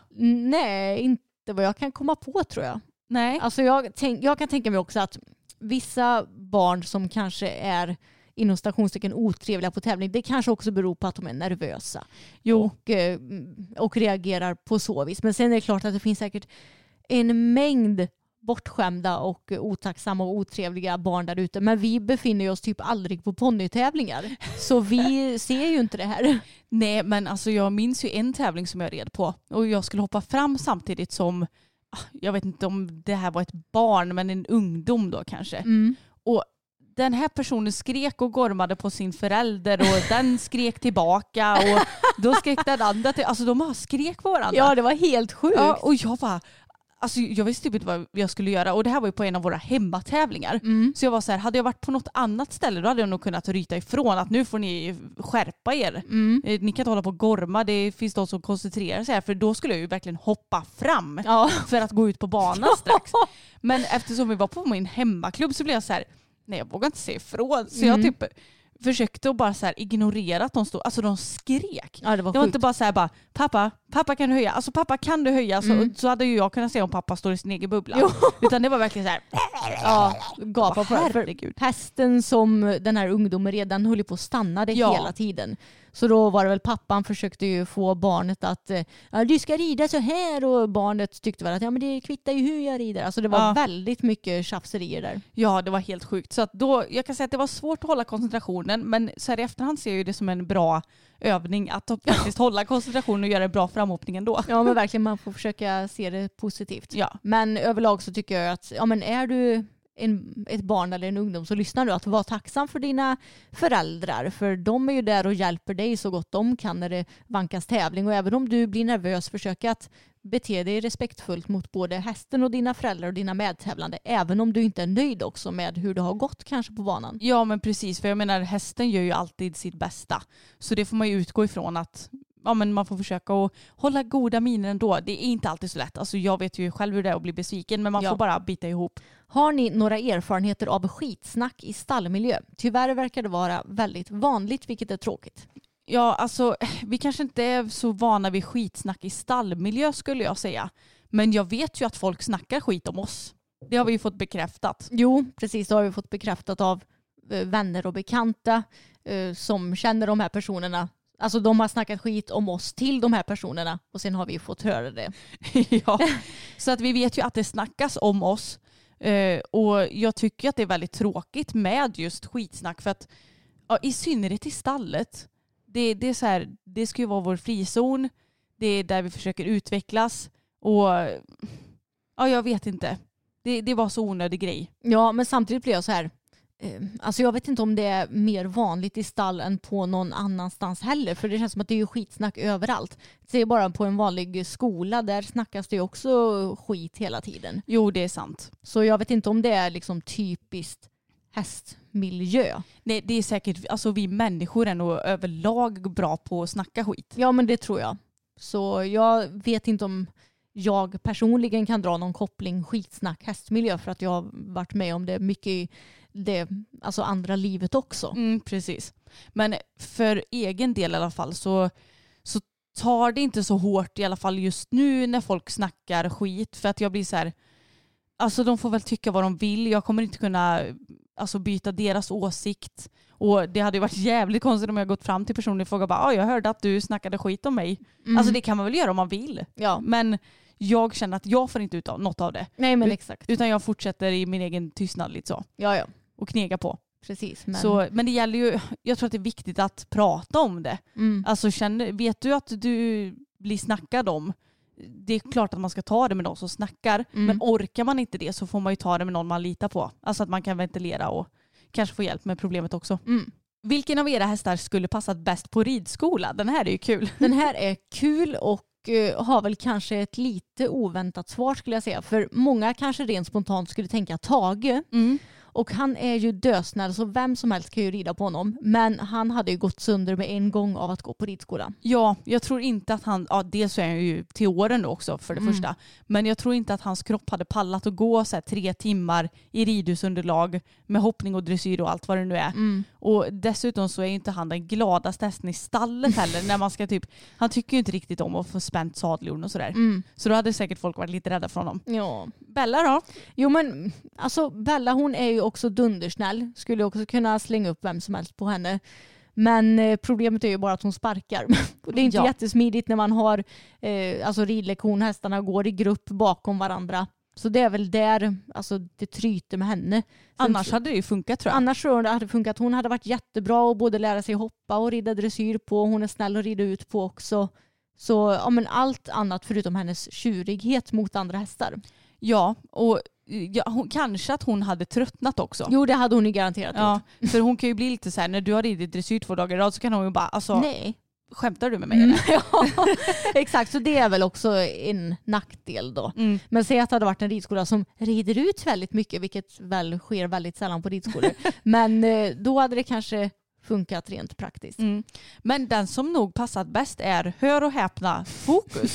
För att jag tror ändå att han hade varit så här, ja men det är skönt med mina rutiner, jag går här mina lektioner med mina ja, kompisar i grupp eller Mm. så. Och han är ju ändå väldigt snäll och har att göra med alltid, sparkar ju aldrig. Nej. Eh, så att jag tror ändå att han hade varit en bra ridskolehäst faktiskt. Ja, jag tror att han är den som hade funkat bäst av våra hästar. Mm, det tror jag också. Så att, eh, det kanske är lite oväntat svar. Men för han bara, för nu har jag ju kanske lite fördom tänkte jag säga, men de, de flesta ridskolor, det, blir ju mycket ridhusridning. Mm. Eller ridning i paddocken för att det är såklart, det är ju där det är roligast och lättast att lära sig saker. Mm. Men jag menar, får han bara gå där, då tror jag ändå att det hade funkat ganska bra faktiskt. Det tror jag med. Och han är ju dessutom den av våra hästar som hade klarat det bäst kroppsmässigt också. Mm. För han har ju den mest hållbara kroppen av våra hästar. Och han blir ju inte heller lika uttråkad på samma sätt som Bella blir till exempel. Eller han visar åtminstone inte att han blir uttråkad. Nej, precis. Vilka toppryttare tror ni hade passat bäst ihop med era hästar? Både i hoppning och dressyr. Det här är också en så himla intressant fråga tycker Mm. jag. Eh, hoppning på fokus så tror jag att Peder hade gjort det bra. Ja. För han är ju ändå van vid lite knepiga hästar som Allan till exempel var ju inte så enkel. Dressyr. Ja, alltså jag skulle ju gärna sätta upp Therese Nilshagen på honom. Mm, verkligen. Och det, det frågade ni om i hennes avsnitt. Det hade varit väldigt kul om hon gjorde det. Ja. ja, men ska vi köra Therese i dressyren på alla våra hästar eller? Ja men jag tror det. Hon är ju en riktig favorit. Ja, eller Jessica Ja, från exakt. Bredov. Någon av dem. Ja, men Tage vet jag inte. Jag tror inte att någon toppriddare tyckte det var så kul att hoppa honom. I no offense till lilla Tage, men hans gräns, eller i och för sig, det hade varit lite intressant att se var hans gräns gick. Mm. För med mig så är det ju typ, ja, har jag ett hjälphinder innan så kanske vi kan våga oss på att hoppa ett hinder på 1,10. Mm. Men annars så är det ju typ 90 på bana. Ja, Men det får inte vara en för lång ryttare i så fall. nej exakt det får det inte vara. Men jag tänker någon som är, känns lite tuffare och lite modigare av sig som ger mycket självförtroende till ja, men hästarna. Malin kanske? Hon Ja. är ändå liten men, liten men tuff Ja men precis. känns det som. Ja. Eller han Marlon Modolo Sanotelli, han är ju inte heller lång. Ja just det. Och han känns ju som en han rider ju alltid typ så snabbast i alla tidshoppningar och sådär. Mm. Så han är nog en kille som verkligen rider på. Han har stålhälar. Ja men jag, jag tror att det hade kanske passat Tage. Ja, Bella då?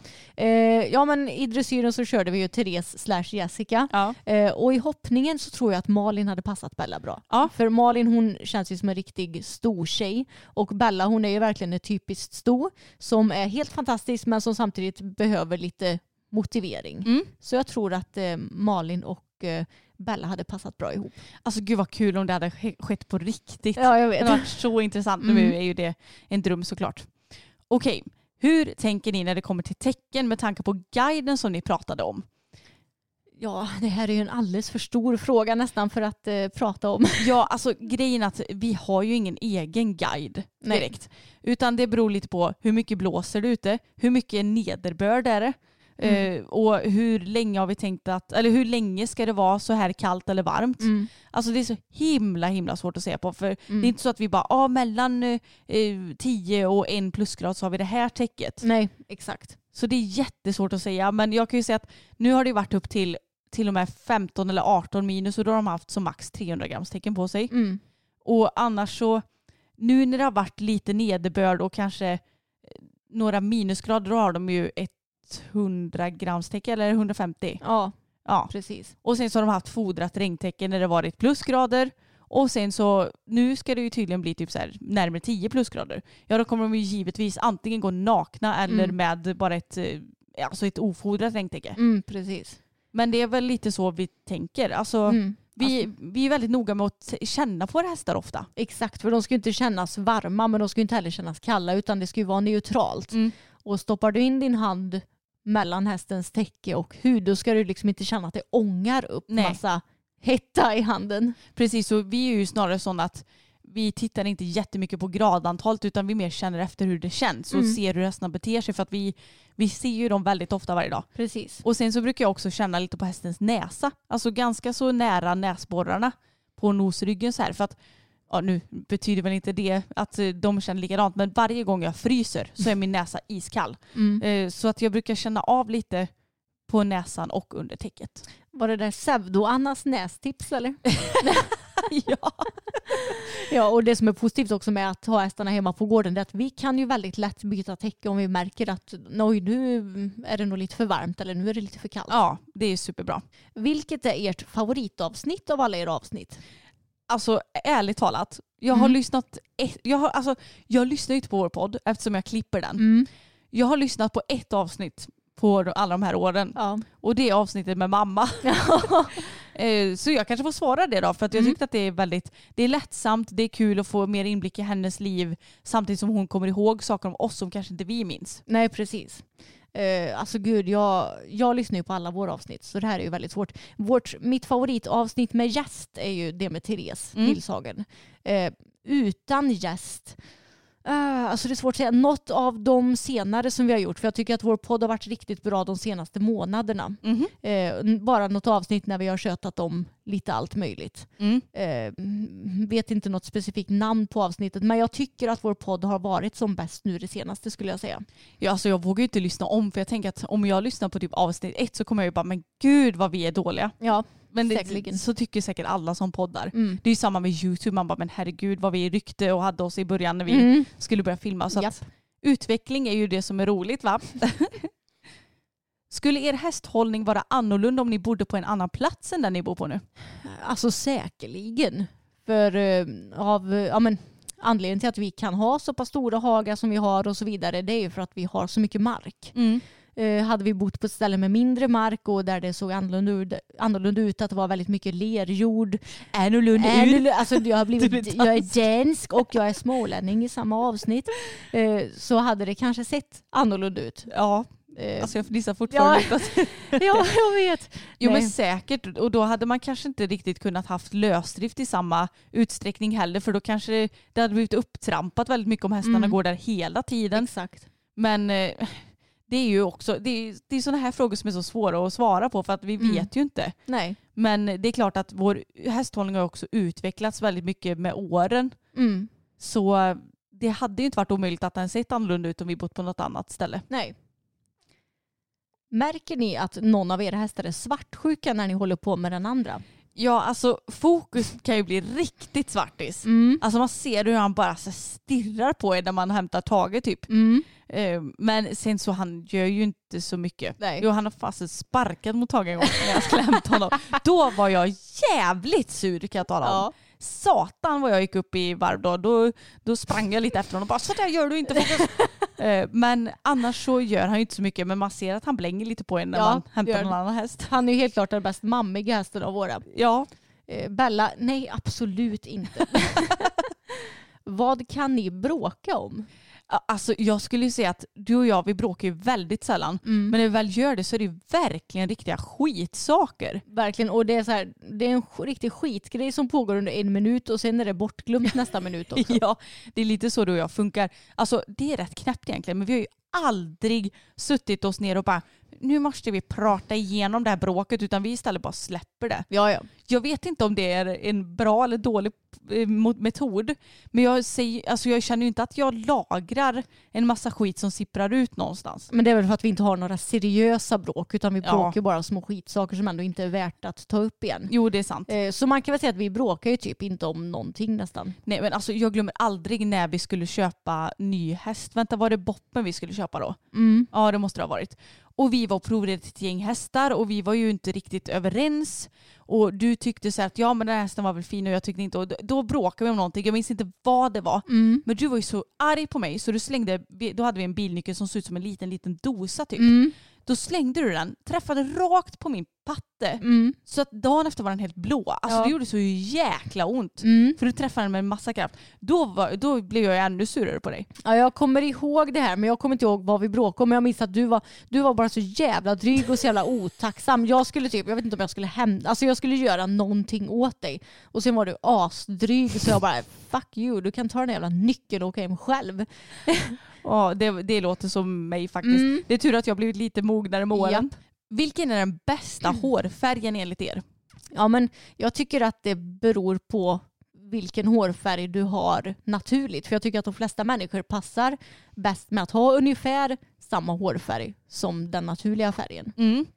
Jo men det håller jag nog nästan med om och jag kan tycka att jag kan tycka det är lite tråkigt att de flesta som är lite så här mitt emellan brunt och blont gärna väljer att bli blonda. Mm. Alltså många passar ju i det. Men jag tror även att många hade passat i att bara antingen låta det vara eller bara färga sig pyttelite mörkare. Mm. Men eh, om, alltså jag tycker ju typ om alla hårfärger. Ja. Jag, jag tycker ju jag tycker mer om alltså, naturliga färger än typ grönt, rosa. Men det kan vara fint också. Jag tyckte att jag passade väldigt bra i sådana knalliga färger. Jo men det gjorde du. Men, Pastell. men jag föredrar ju alltså normala hårfärger låter så tråkigt. Du, du menar. gillade väl inte mig när jag var riktigt blond heller? Nej, för jag tyckte inte du passade i det. Nej. Men det är Ehm. ju smaksak. Ja men jag tycker ju inte att jag passar i det riktigt heller. Alltså jag tycker ju att nu har jag ju min naturliga färg Mm. efter många om och men. Och jag tycker väl att jag passar bäst i det här men sen kan jag kolla på foton när jag hade typ rosa och turkos då och bara jävlar vad fint det var. Jo men det var ju fint. Men det Mm. som är lite problemet med de färgerna är ju också att de släpper ju ganska fort väl. Mm, det gör de. Sen så håller de sig kvar, det här lilla håller ju sig kvar väldigt länge. Mm. Så det är svårt att färga bort också. Ja exakt. Men det jag trivs bäst i det är ju egentligen den här färgen jag har. Mm. Mörkbrunt. Egentligen så har jag ju bara pyttelite mörkare än din vanliga Mm. hårfärg. Eh, och sen så trivdes jag väldigt bra i mörklila när jag hade det. Ja. Det, det trivdes jag jättebra i. Och då är det ju inte så här, det ser ju typ inte ut som lila. Det är ju nästan snarare brunlila-aktigt. Mm. Det trivdes jag väldigt bra i. Men det tvättades ur så fort så det orkar jag inte ha. Nej. Om ni skulle haft medarbetare i ert företag, vilka arbetsuppgifter skulle då förekomma? Sitter och tittar på när vi jobbar. Nej jag skojar. Nej men det är klart att man hade kunnat ta in någon som typ filmar, fotar. Eh, Det hade ju varit ganska skönt faktiskt. Det hade varit väldigt bra och något som hade helt klart gjort att vi kunnat steppa upp vårt jobb Mm. och ha någon som har kunnat filma oss när vi rider och när vi grejer i stallet och allt vad det nu är. Någon som är duktig på att fota så vi kan lägga ut mer bilder på Instagram. Någon som kan fota samarbeten så att vi båda kan vara med.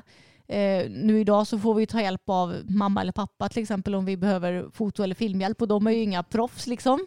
Eh, men de gör ju sitt bästa och det är tacksamt att få deras hjälp. Men det är väl mycket sånt eh, tänker jag. Mm. Vara med och göra eh, content till oss. Sen hade det också varit skönt att ha någon som kan mocka och så här, greja, fixa de där tråkiga grejerna i stallet. Ja det är väl klart. Men eh, samtidigt så tror jag lite så här, alltså det som är grejen med vårat jobb och våran YouTube-kanal och sådär, det är ju att det inte är så jäkla, alltså fancy. Nej. Utan vi filmar med det vi har och vi, eh, alltså vi, vi vill ju inte ha världens crappy kvalitet. Mm. Och vi lyssnar ju såklart på våra tittare och sådär. Men jag tror ändå att folk uppskattar att vi är bara en helt vanlig kanal som inte har värsta effekterna. Mm. Men det är klart att det hade ju varit kul att kunna filma lite snyggare också såklart. Jo, men jag vet inte om jag hade, jag har så mycket kontrollbehov så jag hade inte känt mig bekväm att låta någon annan klippa typ vår podd eller redigera våra videos. Nej, jag tycker inte det heller. Nej. För att vi vill ju ändå göra det på vårt sätt. Mm. Du, vi glömde ju bort nu att svara på så här kundtjänstmail och sådär till hästhuset. Ja det hade ju varit skönt att låta någon annan göra. Mm. För då hade ju jag kunnat ta lite mer semester än vad jag faktiskt gör. Ja, men då hade ju den personen fått, eh, då måste man ju lära upp personen och sånt där också. Ja jag vet. Eh, Men säg att det är någon som hade kunnat det här redan från början, det hade varit väldigt skönt. Ja, verkligen. Vilken av era hästar skulle ni aldrig sätta en nybörjare på? Nej men ingen, alltså alla kan ha nybörjare på sig. Ja, alltså grejen är att jag skulle ju inte sätta upp en nybörjare och så be den att rida längst ner i paddocken med fokus. för att det är ju fortfarande lite av ett issue även om det har blivit mycket bättre. Men eh, annars så är han ju jättesnäll typ i ridhus och Mm. där han känner sig bekväm. Ja. Jag menar Chloe, när hon var fyra eller fem, nu kommer jag inte ihåg hur gammal hon var. Mm. Eller var hon något sånt va? Ja. Då red ju hon på fokus. Mm. Nej, jo det gjorde hon ju. Jo. Och sen så red Hailey också när hon var typ åtta eller något. Jag kommer inte ihåg exakt hur gammal hon var. Men familjen Reinholds eh, kids i alla fall. Mm. Och det gick ju hur bra som helst. Ja. Så att eh, ingen som inte kan bära en nybörjare. Vilka väder rider ni inte ut i? Ja men alltså det är ju om det blåser alldeles för mycket så att man Mm. tror att eh, ja, nu finns det risk att ett träd trillar ner i huvudet på en. Ja liksom. exakt. Annars så, ja det är ibland som man känner att nej men jag orkar inte när Nej. det är typ snöstorm. Mm. Men eh, annars så kan vi ju rida ut i det mesta rent säkerhetsmässigt så. Ja det gör vi. Hur mår ni och hur mår er pappa med käken och allt? Jo men vi mår väl ganska bra skulle jag säga. Mm. Eh, Jag känner att jag verkligen behöver åka till naprapaten. eh, För att jag har lite, jag känner av min ischias lite grann, jag känner av höften på andra sidan lite grann. Men det är nästa vecka va? Ja det är nästa Ja, vecka. Skönt. Eh, Men annars så känner jag mig i liksom bra fysisk form och känner mig ändå ganska bra i psykisk form också. Ja men det gör jag också. Det Mm. känns verkligen som att eh, när vi bytte år så bytte jag verkligen typ ut min hjärna. Nej men ja det låter så klyschigt. Men det känns verkligen mycket bättre nu tycker jag. Mm. Det känns som att man har lite mer, eh, ja, men lite mer pepp och sådär. Mm. Så att jag känner att ja, men förutom min magkatt här idag då, så mår jag bra. Mm. Och pappa mår ju ändå bra. Han, han är ju helt återställd i käken och sådär. Men han saknar fortfarande fyra tänder. Så han är så himla söt Ja. när han säger hela tiden ska jag le och visa tänderna eller? Och så har han liksom bara en jättestor glugg för Mm. att han saknar ju de två framtänderna och de två tänderna som är bredvid. Liksom. Mm. Så han ska väl få nya tänder. Men det är klart att det är inte så att det sker sker en handvändning utan då ska man så här, fästa fästen och så ska det läka och hej och hå. Så att jag vet inte när det blir. Nej. Men det är inte så att han Alltså han tycker väl nästan att det är jobbigast att inte kunna bita av saker. Mm. Och också att det är lite svårare för honom att säga S till exempel. Ja. För det är ju ett ord som han ändå trycker tungan mot tänderna. Mm. Och han har ju inga tänder där så det blir ju svårt. Nej precis, Men annars så, han bryr inte sig så mycket om det estetiska så. det gör han inte. Så jag tror ändå att han mår bra. Mm. Blir ni mycket påverkade av sociala medier? Alltså periodvis skulle jag säga. Eh, oftast så är jag ändå ganska så trygg i mig själv och vad jag håller på med. Och när det kommer till typ mat och träning och sådär att jag inte snurrar in i något dåligt beteende. Men har man en liten svag period då kan man tycka att det är lite jobbigt när man ser ja, men vissa, speciellt så kroppsbilder på Instagram tycker jag. Mm. Att jag kan bli lite negativt påverkad. Men det är inte jätteofta. Nej. Hur känner du? Alltså det är lustigt men jag känner mig typ helt immun till allt som jag ser på sociala medier. Vad skönt. Att jag inte påverkas någonting. Och eh, jag kan säga att det är tur att inte Instagram fanns när jag gick på gymnasiet och var som mest ätstörd. För då tror jag att det hade, alltså då hade jag ju garanterat påverkats jättemycket. Mm. Och att det hade blivit svårare att komma ur det. Men så som det gör idag så blir jag inte något påverkad av det jag ser på sociala medier. Gud vad skönt. Mm. Och det är ju så lätt att bli det för att det är så lättillgängligt och det är ofta att man bara ser resultat. Alltså nu syftar inte jag bara på så här hur ens kropp ser ut utan det är också så här med ridningen. Bara oh, wow, titta jag kan göra byten i varje. Bara, ah, men Ja. det kanske inte var så jäkla lätt väg dit. Nej precis. Eh, Så det är ju lätt att, att gräva ner sig i det. Men jag tror att det är viktigt att försöka ha på sig ett par Instagram-glasögon och förstå att det inte bara är verkligheten. Har ni några tips på hur man kan växa på sociala medier? Mm, ja men jag skulle ju dels säga att var dig själv och gå inte in i någon roll och försök spela någon annan än du är. Eh, svara på många kommentarer och eh, ja, men, vårda relationen hos de följarna som du har. Mm. För det känns som att så många jagar nya följare men man skiter i de följarna man har och då kanske man får nya följare men då kanske också de följare som du har försvinner. Ja, de orkar inte vara kvar för de får ändå inget engagemang. Nej, exakt. Och om man tittar på oss så är vi väldigt, väldigt flitiga med att svara på kommentarer på både YouTube och Instagram. Eh, Och, sådär, och att vi verkligen visar uppskattning till våra följare. Och att lägga ut personliga grejer, alltså personliga grejer om ditt liv. Du kan lägga ut personliga grejer i din story. Och sen att allt i flödet behöver liksom inte vara så perfekt heller. Mm. Utan vi lägger ut väldigt mycket mobilbilder där bara för att skriva att ja, idag så har vi varit på Husaby med Bella till exempel och Mm. idag har pappa ridit Bella. Alltså att det blir, jag tycker det känns mycket mer äkta än att du bara ska lägga ut fotade snygga bilder hela tiden. Jag håller verkligen med, men det, det är ju såklart smaksak. Men jag tycker för att rubba lite den här perfekta ytan som finns på, ja nu, nu drar vi mycket till Instagram för att det är det som är väldigt lättillgängligt. Mm. Men det, man dras ju ofta till att det ska se perfekt ut men det behöver det verkligen inte vara utan jag tycker att det är mycket mer uppfriskande med flöden som inte är perfekta. Mm, jag håller med. Och när det kommer till både Instagram och YouTube tycker jag också att uppdatera lagom mycket. Mm. Så att du inte bombar dina följare med hur mycket uppdatering som helst för då hinner man inte ta del av allt utan då tröttnar man på det. Så på YouTube tycker jag det är optimalt med två videos i veckan och på Instagram ja, men max ett inlägg, inlägg i flödet om dagen. Mm. Eh, Och sen på story kan man väl uppdatera lite hur mycket man vill men man kanske inte behöver gå all in med så här 20 stories om dagen. Nej eller som man bara ser, alltså storyn är inte ens uppdelat i små Ja pluttar utan det är bara ett helt streck. Så här. Mm. Då har man nog uppdaterat lite för mycket. Mm. Har du något mer tips som du tänker på? Nej men det som jag gillar och uppskattar det är ju lite kontinuitet. Mm. Att, alltså, det som algoritmen också gillar på YouTube det är att man lägger upp på samma tid och samma dag som man Mm. brukar. Så vi har ju bestämda tider med lördag klockan åtta och sen på onsdagar klockan 15. Ja. Så att det rullar på och det är ändå ganska skönt för följarna för då vet de vad de har att förvänta sig. Mm. Och skulle du inte hinna någon dag, nej men då fattar de det att har inte en video kommit upp klockan 15, ja men då fattar de att det, då kommer det kanske ingen dag. ja, precis. Så mm, det tycker jag är bra. Mm. Och sen, ja men som du sa, vara personlig men sen kanske man inte alltid behöver gå in my- jättemycket på det privat, Nej. Jättemycket på privatlivet liksom. Nej, Utan jag- det får man ju balansera. Och jag tycker det är intressant också med folk som vågar säga vad de tycker om diverse grejer också. Mm. Jag tycker ju att ytliga influencers där det bara säger ah, här kommer den här hästen med det här schabraket och här kommer den här hästen och trava jättefint på långsidan. Alltså det är ingenting som jag har något intresse av att följa. Däremot så en favoritinfluencer är ju Blond Dressage. Mm. På Instagram. Hon lägger ut väldigt många bra filmer där hon visar ja, men hur dressyren ser ut idag, hur den såg ut förr och eh, du kan lära dig mycket av det. Hon vågar verkligen säga vad hon tycker om vilka problem det finns i dressyren. Hon visar på goda exempel, hon visar på dåliga exempel.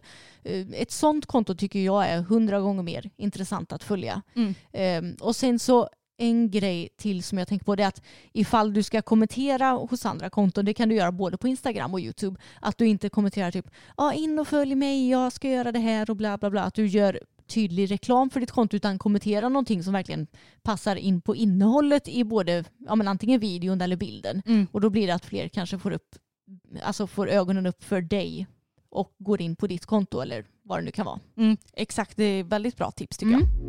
jag. Åsikt om hjälptygen som går under namnet longeringshjälp. Har sett många använda en sådan. Ja men ska vi förklara lite först hur den här ser ut då för folk som inte vet vad det är? Ja, men den är väl ändå kopplad. Man kopplar den i själva longerjorden genom bettet och sen ner mellan benen typ va? Går den inte upp över manken också? Jo, ja det kanske finns lite olika. Gud, Nu måste jag googla här. Ja, gör det. Jo men nu har jag upp en bild här Mm. och man kan se att det ser ut som att det är ja, men det ser ut som att det är ett grimskatt men det är inget grimskatt för det är väl elastiskt. Som går liksom runt hästens mage och rygg bakom manken. Alltså nästan som en sorts sadeljord Mm. eller som ett snöre. Och sen går det genom frambenen upp till bettet och sen fäster du longerlinan direkt i bettet. Ja just det, så, just det, så det går från, man kan säga från ena bättringen, Mm. mellan frambenet, runt hästens framben och så upp över manken och så tillbaka. Runt hästens fram. Ja men det blir alltså inte ett helt varv men du förstår ändå vad jag menar. Det blir Ja. ju nästan, det måste vara obekvämt för hästens ben. Ja, och jag tänker också att ja, men vi är inte mycket för eh, grejer som blir något sorts tvång för hästen. Och här nu eftersom den har en lina som går liksom under magen och fram till bettet, då kan ju inte hästen köra upp huvudet om den vill det. Nej. För att det kommer ju ta stopp då. Och visst, den är elastisk, den är säkert, men det blir ändå liksom ett sorts tvång ner för att det, det blir ju bekvämare för hästen att ha huvudet där nere för det blir ju obekvämt för den när den behöver dra upp det för då blir det ju eh, resistance ifrån den här jorden då. Mm. Eh, överlag så är ju vi inga fan alls av någonting som tvingar ner hästens huvud. Oavsett om det är liksom en grammantygel eller den här longeringshjälpen. Och jag vet, herregud, förr i tiden så såg man ju eh, ja, men ryttare och influencers som la upp en egen designad longeringshjälp där de hade satt grimskaft runt magen på hästen och sen fäst eh, i den. Och jag menar det är ju farligt för det, det kan ju liksom inte, det, det har ju ingen elasticitet i sig. Och Nej. hästen kan ju skada sig rejält om den hade, ja, jag vet inte, trillat eller snubblat eller vad det nu kan vara. Ja exakt. Nej vi brukar ju bara longera i grimma. Ja, och, Och- äckeband. Ja men precis. Då kan de ju fortfarande aktivera sina magmuskler. Mm. Men eh, utan att det blir något form av tvång. Ja, placera huvudet där de vill. Ja. Det brukar bli på ett väldigt naturligt sätt när de kommer igång och jobbar korrekt bakifrån och med bålmuskulaturen och allt vad det är. Mm. Eh, Så nej, det är ingenting för oss som vi skulle använda på hästar. Vad gjorde ni när ni provred alla hästar som ni har? Ja, Fokus provred vi ju inte. Nej. För han köpte ju eh, osedd. Mm. Tage, han eh, hoppade vi ju bana på både du och jag. Mm. Och jag kommer ihåg att jag tror jag till och med klippte ett inne på typ så här en meter och tio eller något. Mm. Och då var jag lite, alltså inte rädd, men jag var inte så erfaren. Nej. Så jag kommer ihåg att han ingav en väldigt härlig känsla. Ja, det var ju innan, innan allt gick åt helskotta med vår tränare som inte var bra för oss. Ja, och vi Mhm. blev osäkra. Ja, ja men precis, det gjorde vi med Tage. Och boppen var det egentligen samma att vi hoppade på. Mm. Och han kunde vi också göra lite svårare dressyrrörelser med, vilket vi tyckte var väldigt kul. Mm. Och Bella, hon var ju bara fem när jag köpte henne och jag hade ju sett ett gäng filmer på henne och tänkte att det där kan nog vara en häst för mig. Och hade ju sett henne liksom tävla med Vendela som red henne innan och hade sett att ja men det här går ju kanonbra eller det är en bra häst. Så jag kände inte att jag behövde testa så mycket utan vi hade satt fram ett räcke och en oxer som jag fick testa att rida över och sen testa att rida lite dressyr och eftersom hon som sagt bara var fem år så hade hon ju inte världens bästa styrka och balans men jag kände att jag fick en bra känsla. Jag kände mig väldigt trygg när jag styrde mot hindren och sprången kändes bra. Så det var egentligen en väldigt simpel provridning. Mm, och jag hoppar ju upp på henne bara för att känna så att ja, men om man är sjuk eller skadad eller utomlands eller vad som helst då vill jag kunna känna att det ändå är en okej häst för mig. Sen Mm. hade ju inte det blivit en avgörande faktor. Men jag kommer ihåg att jag bara, men gud, man kände sig verkligen alltså, lite obalanserad på henne. För hon hade ju som sagt inte samma styrka och balans då, självklart, för hon Mm. var ju ganska ung. Men jag bara, men hon är ändå snäll och man kände sig trygg på henne. Mm. Så då kändes det okej för mig också. Vi har ju inte provridit våra hästar och ridit ut i skogen på någon av dem. Nej, det har vi inte gjort. Nej, men det är ju en, annars en väldigt god idé. Bella är helt klart redo för 1,10 och kanske till och med 1,15. Men när är Emma egentligen redo? Ja, det är frågan. ja, men jag måste ju komma igång och hoppa kontinuerligt nu. Och det kommer det väl bli hoppas jag. Mm. Eh, så vi får se när jag är redo för 110. Till hösten kanske. Mm. Mm. Övningar att göra när man har ont i ryggen. Ja, alltså för oss har det ju verkligen hjälpt att träna rygg för att motverka att ha ont i ryggen. Mm. Och jag gillar verkligen stångrodd. Mm. Då har man en, eh, alltså en lång stång och så ja, men vikter på den beroende på hur stark man är och så böjer man sig lite framåt så att man får lite lut på överkroppen och sen så drar man upp stången så att den nästan hamnar i midjan på en kan man säga. Eh, och där är det också bra, alltså i alla övningar är det bra att dra upp och sen försöka hålla kvar och sen gå långsamt tillbaka. Mm. Den tycker jag är väldigt bra. Mm, något som är väldigt bra för bröstryggen det är face pulls. Mm. Att du håller i ett rep och eh, har det repet lite högre upp och sen att du drar repet mot dina öron kan man säga. Mm. Eh, det har hjälpt väldigt mycket för min värk i bröstryggen. Eh, men jag brukar ju träna hela ryggen och det finns ju säkerligen väldigt många bra filmer på YouTube. Det finns ju ett gäng olika träningsappar som du kan köpa ifall du behöver hjälp med övningar. Eh, Men att styrketräna ryggen Mm. och ifall du har problem med värk i ryggen så kan jag rekommendera Yoga with Adrians YouTube-kanal. Mm. För hon har väldigt bra övningar och stretcher för att motverka eh, ja, men till exempel lower back pain som jag har använt av när jag har haft eh, ländryggsproblematik. Funkar superbra och att göra det alltså varje dag och få in det här för att många gånger kan ja, men till exempel eh, värk i ländryggen bero på att det är någon annan muskel som är för kort och att det hänger ihop så att du behöver stretcha ut det och gärna då kanske i kombination med att stärka upp ryggen också. Mm. Så Yoga with Adrian, hon har superbra och pedagogiska videos oavsett vilka kroppsliga problem du har. Eller Mm. om du bara vill köra yoga för att eh, ja, men, må bättre, bli en bättre ryttare, bli stretchigare. Exakt. Och en övning på gymmet som jag alltid brukar göra det är rygglyft. Och då har man ju som en, alltså det är ingen maskin för det är bara som en ställning kan man säga. Där man häktar fast benen och sen så böjer man fram överkroppen och så lyfter man upp den. Och då brukar jag lägga på lite vikt också så jag håller i en sån här viktplatta. Så blir det lite tyngre för min rygg men man kan ju absolut börja utan vikt. Och den tar ju verkligen i de här långa filéerna från, som går från rumpan och upp i ryggen. Så den tycker jag är skitbra. Mm. Vad är ert favoritfika? Ja, men allt som innehåller choklad tänkte jag säga. Men jag skulle säga att mitt absoluta favoritfika för alltid kommer nog vara chokladbollar. Och gärna de här extra stora delicatobollarna som man kan köpa typ så här, två pack av på Ica. Ja, de är ju så förbannat goda. De hade ju Mm. mamma köpt till oss när vi var på tävling Mm. i, i slutet av förra året. Ja, Ja. de är väldigt goda. Mm. Ja, för egen del. Alltså jag gillar ju verkligen att baka och tycker väl ändå att jag är ganska duktig på det. Så jag föredrar ju mitt hembakta fika om jag får vara lite snobbig. Ja men du är duktig. Eh, gillar ju verkligen bullar och hatar bullar på café för de är oftast törra. Torra och äckliga ja. Mm. Men eh, om jag bara får välja, åh. okej jag får välja två saker då. Mm. Jag tycker det är väldigt gott med kladdkaka. Mm. Det är ju väldigt klassiskt. Japp. Men jag tycker också det är otroligt gott med knäckig bärpaj och Ja, vaniljsås. Det är så gött. Ah, det är så mycket bättre än smulpaj. Ja. Just saying. Yes, då kör vi den sista frågan för dagen då. Och det här blir en fråga till Anna. En rafflande sådan. Ja. Anna, varför är du inte vegetarian slash vegan? För att jag hatar djur. Nej jag skojar. Nej men alltså jag, eh, jag vill nog egentligen inte sätta någon stämpel på mig själv.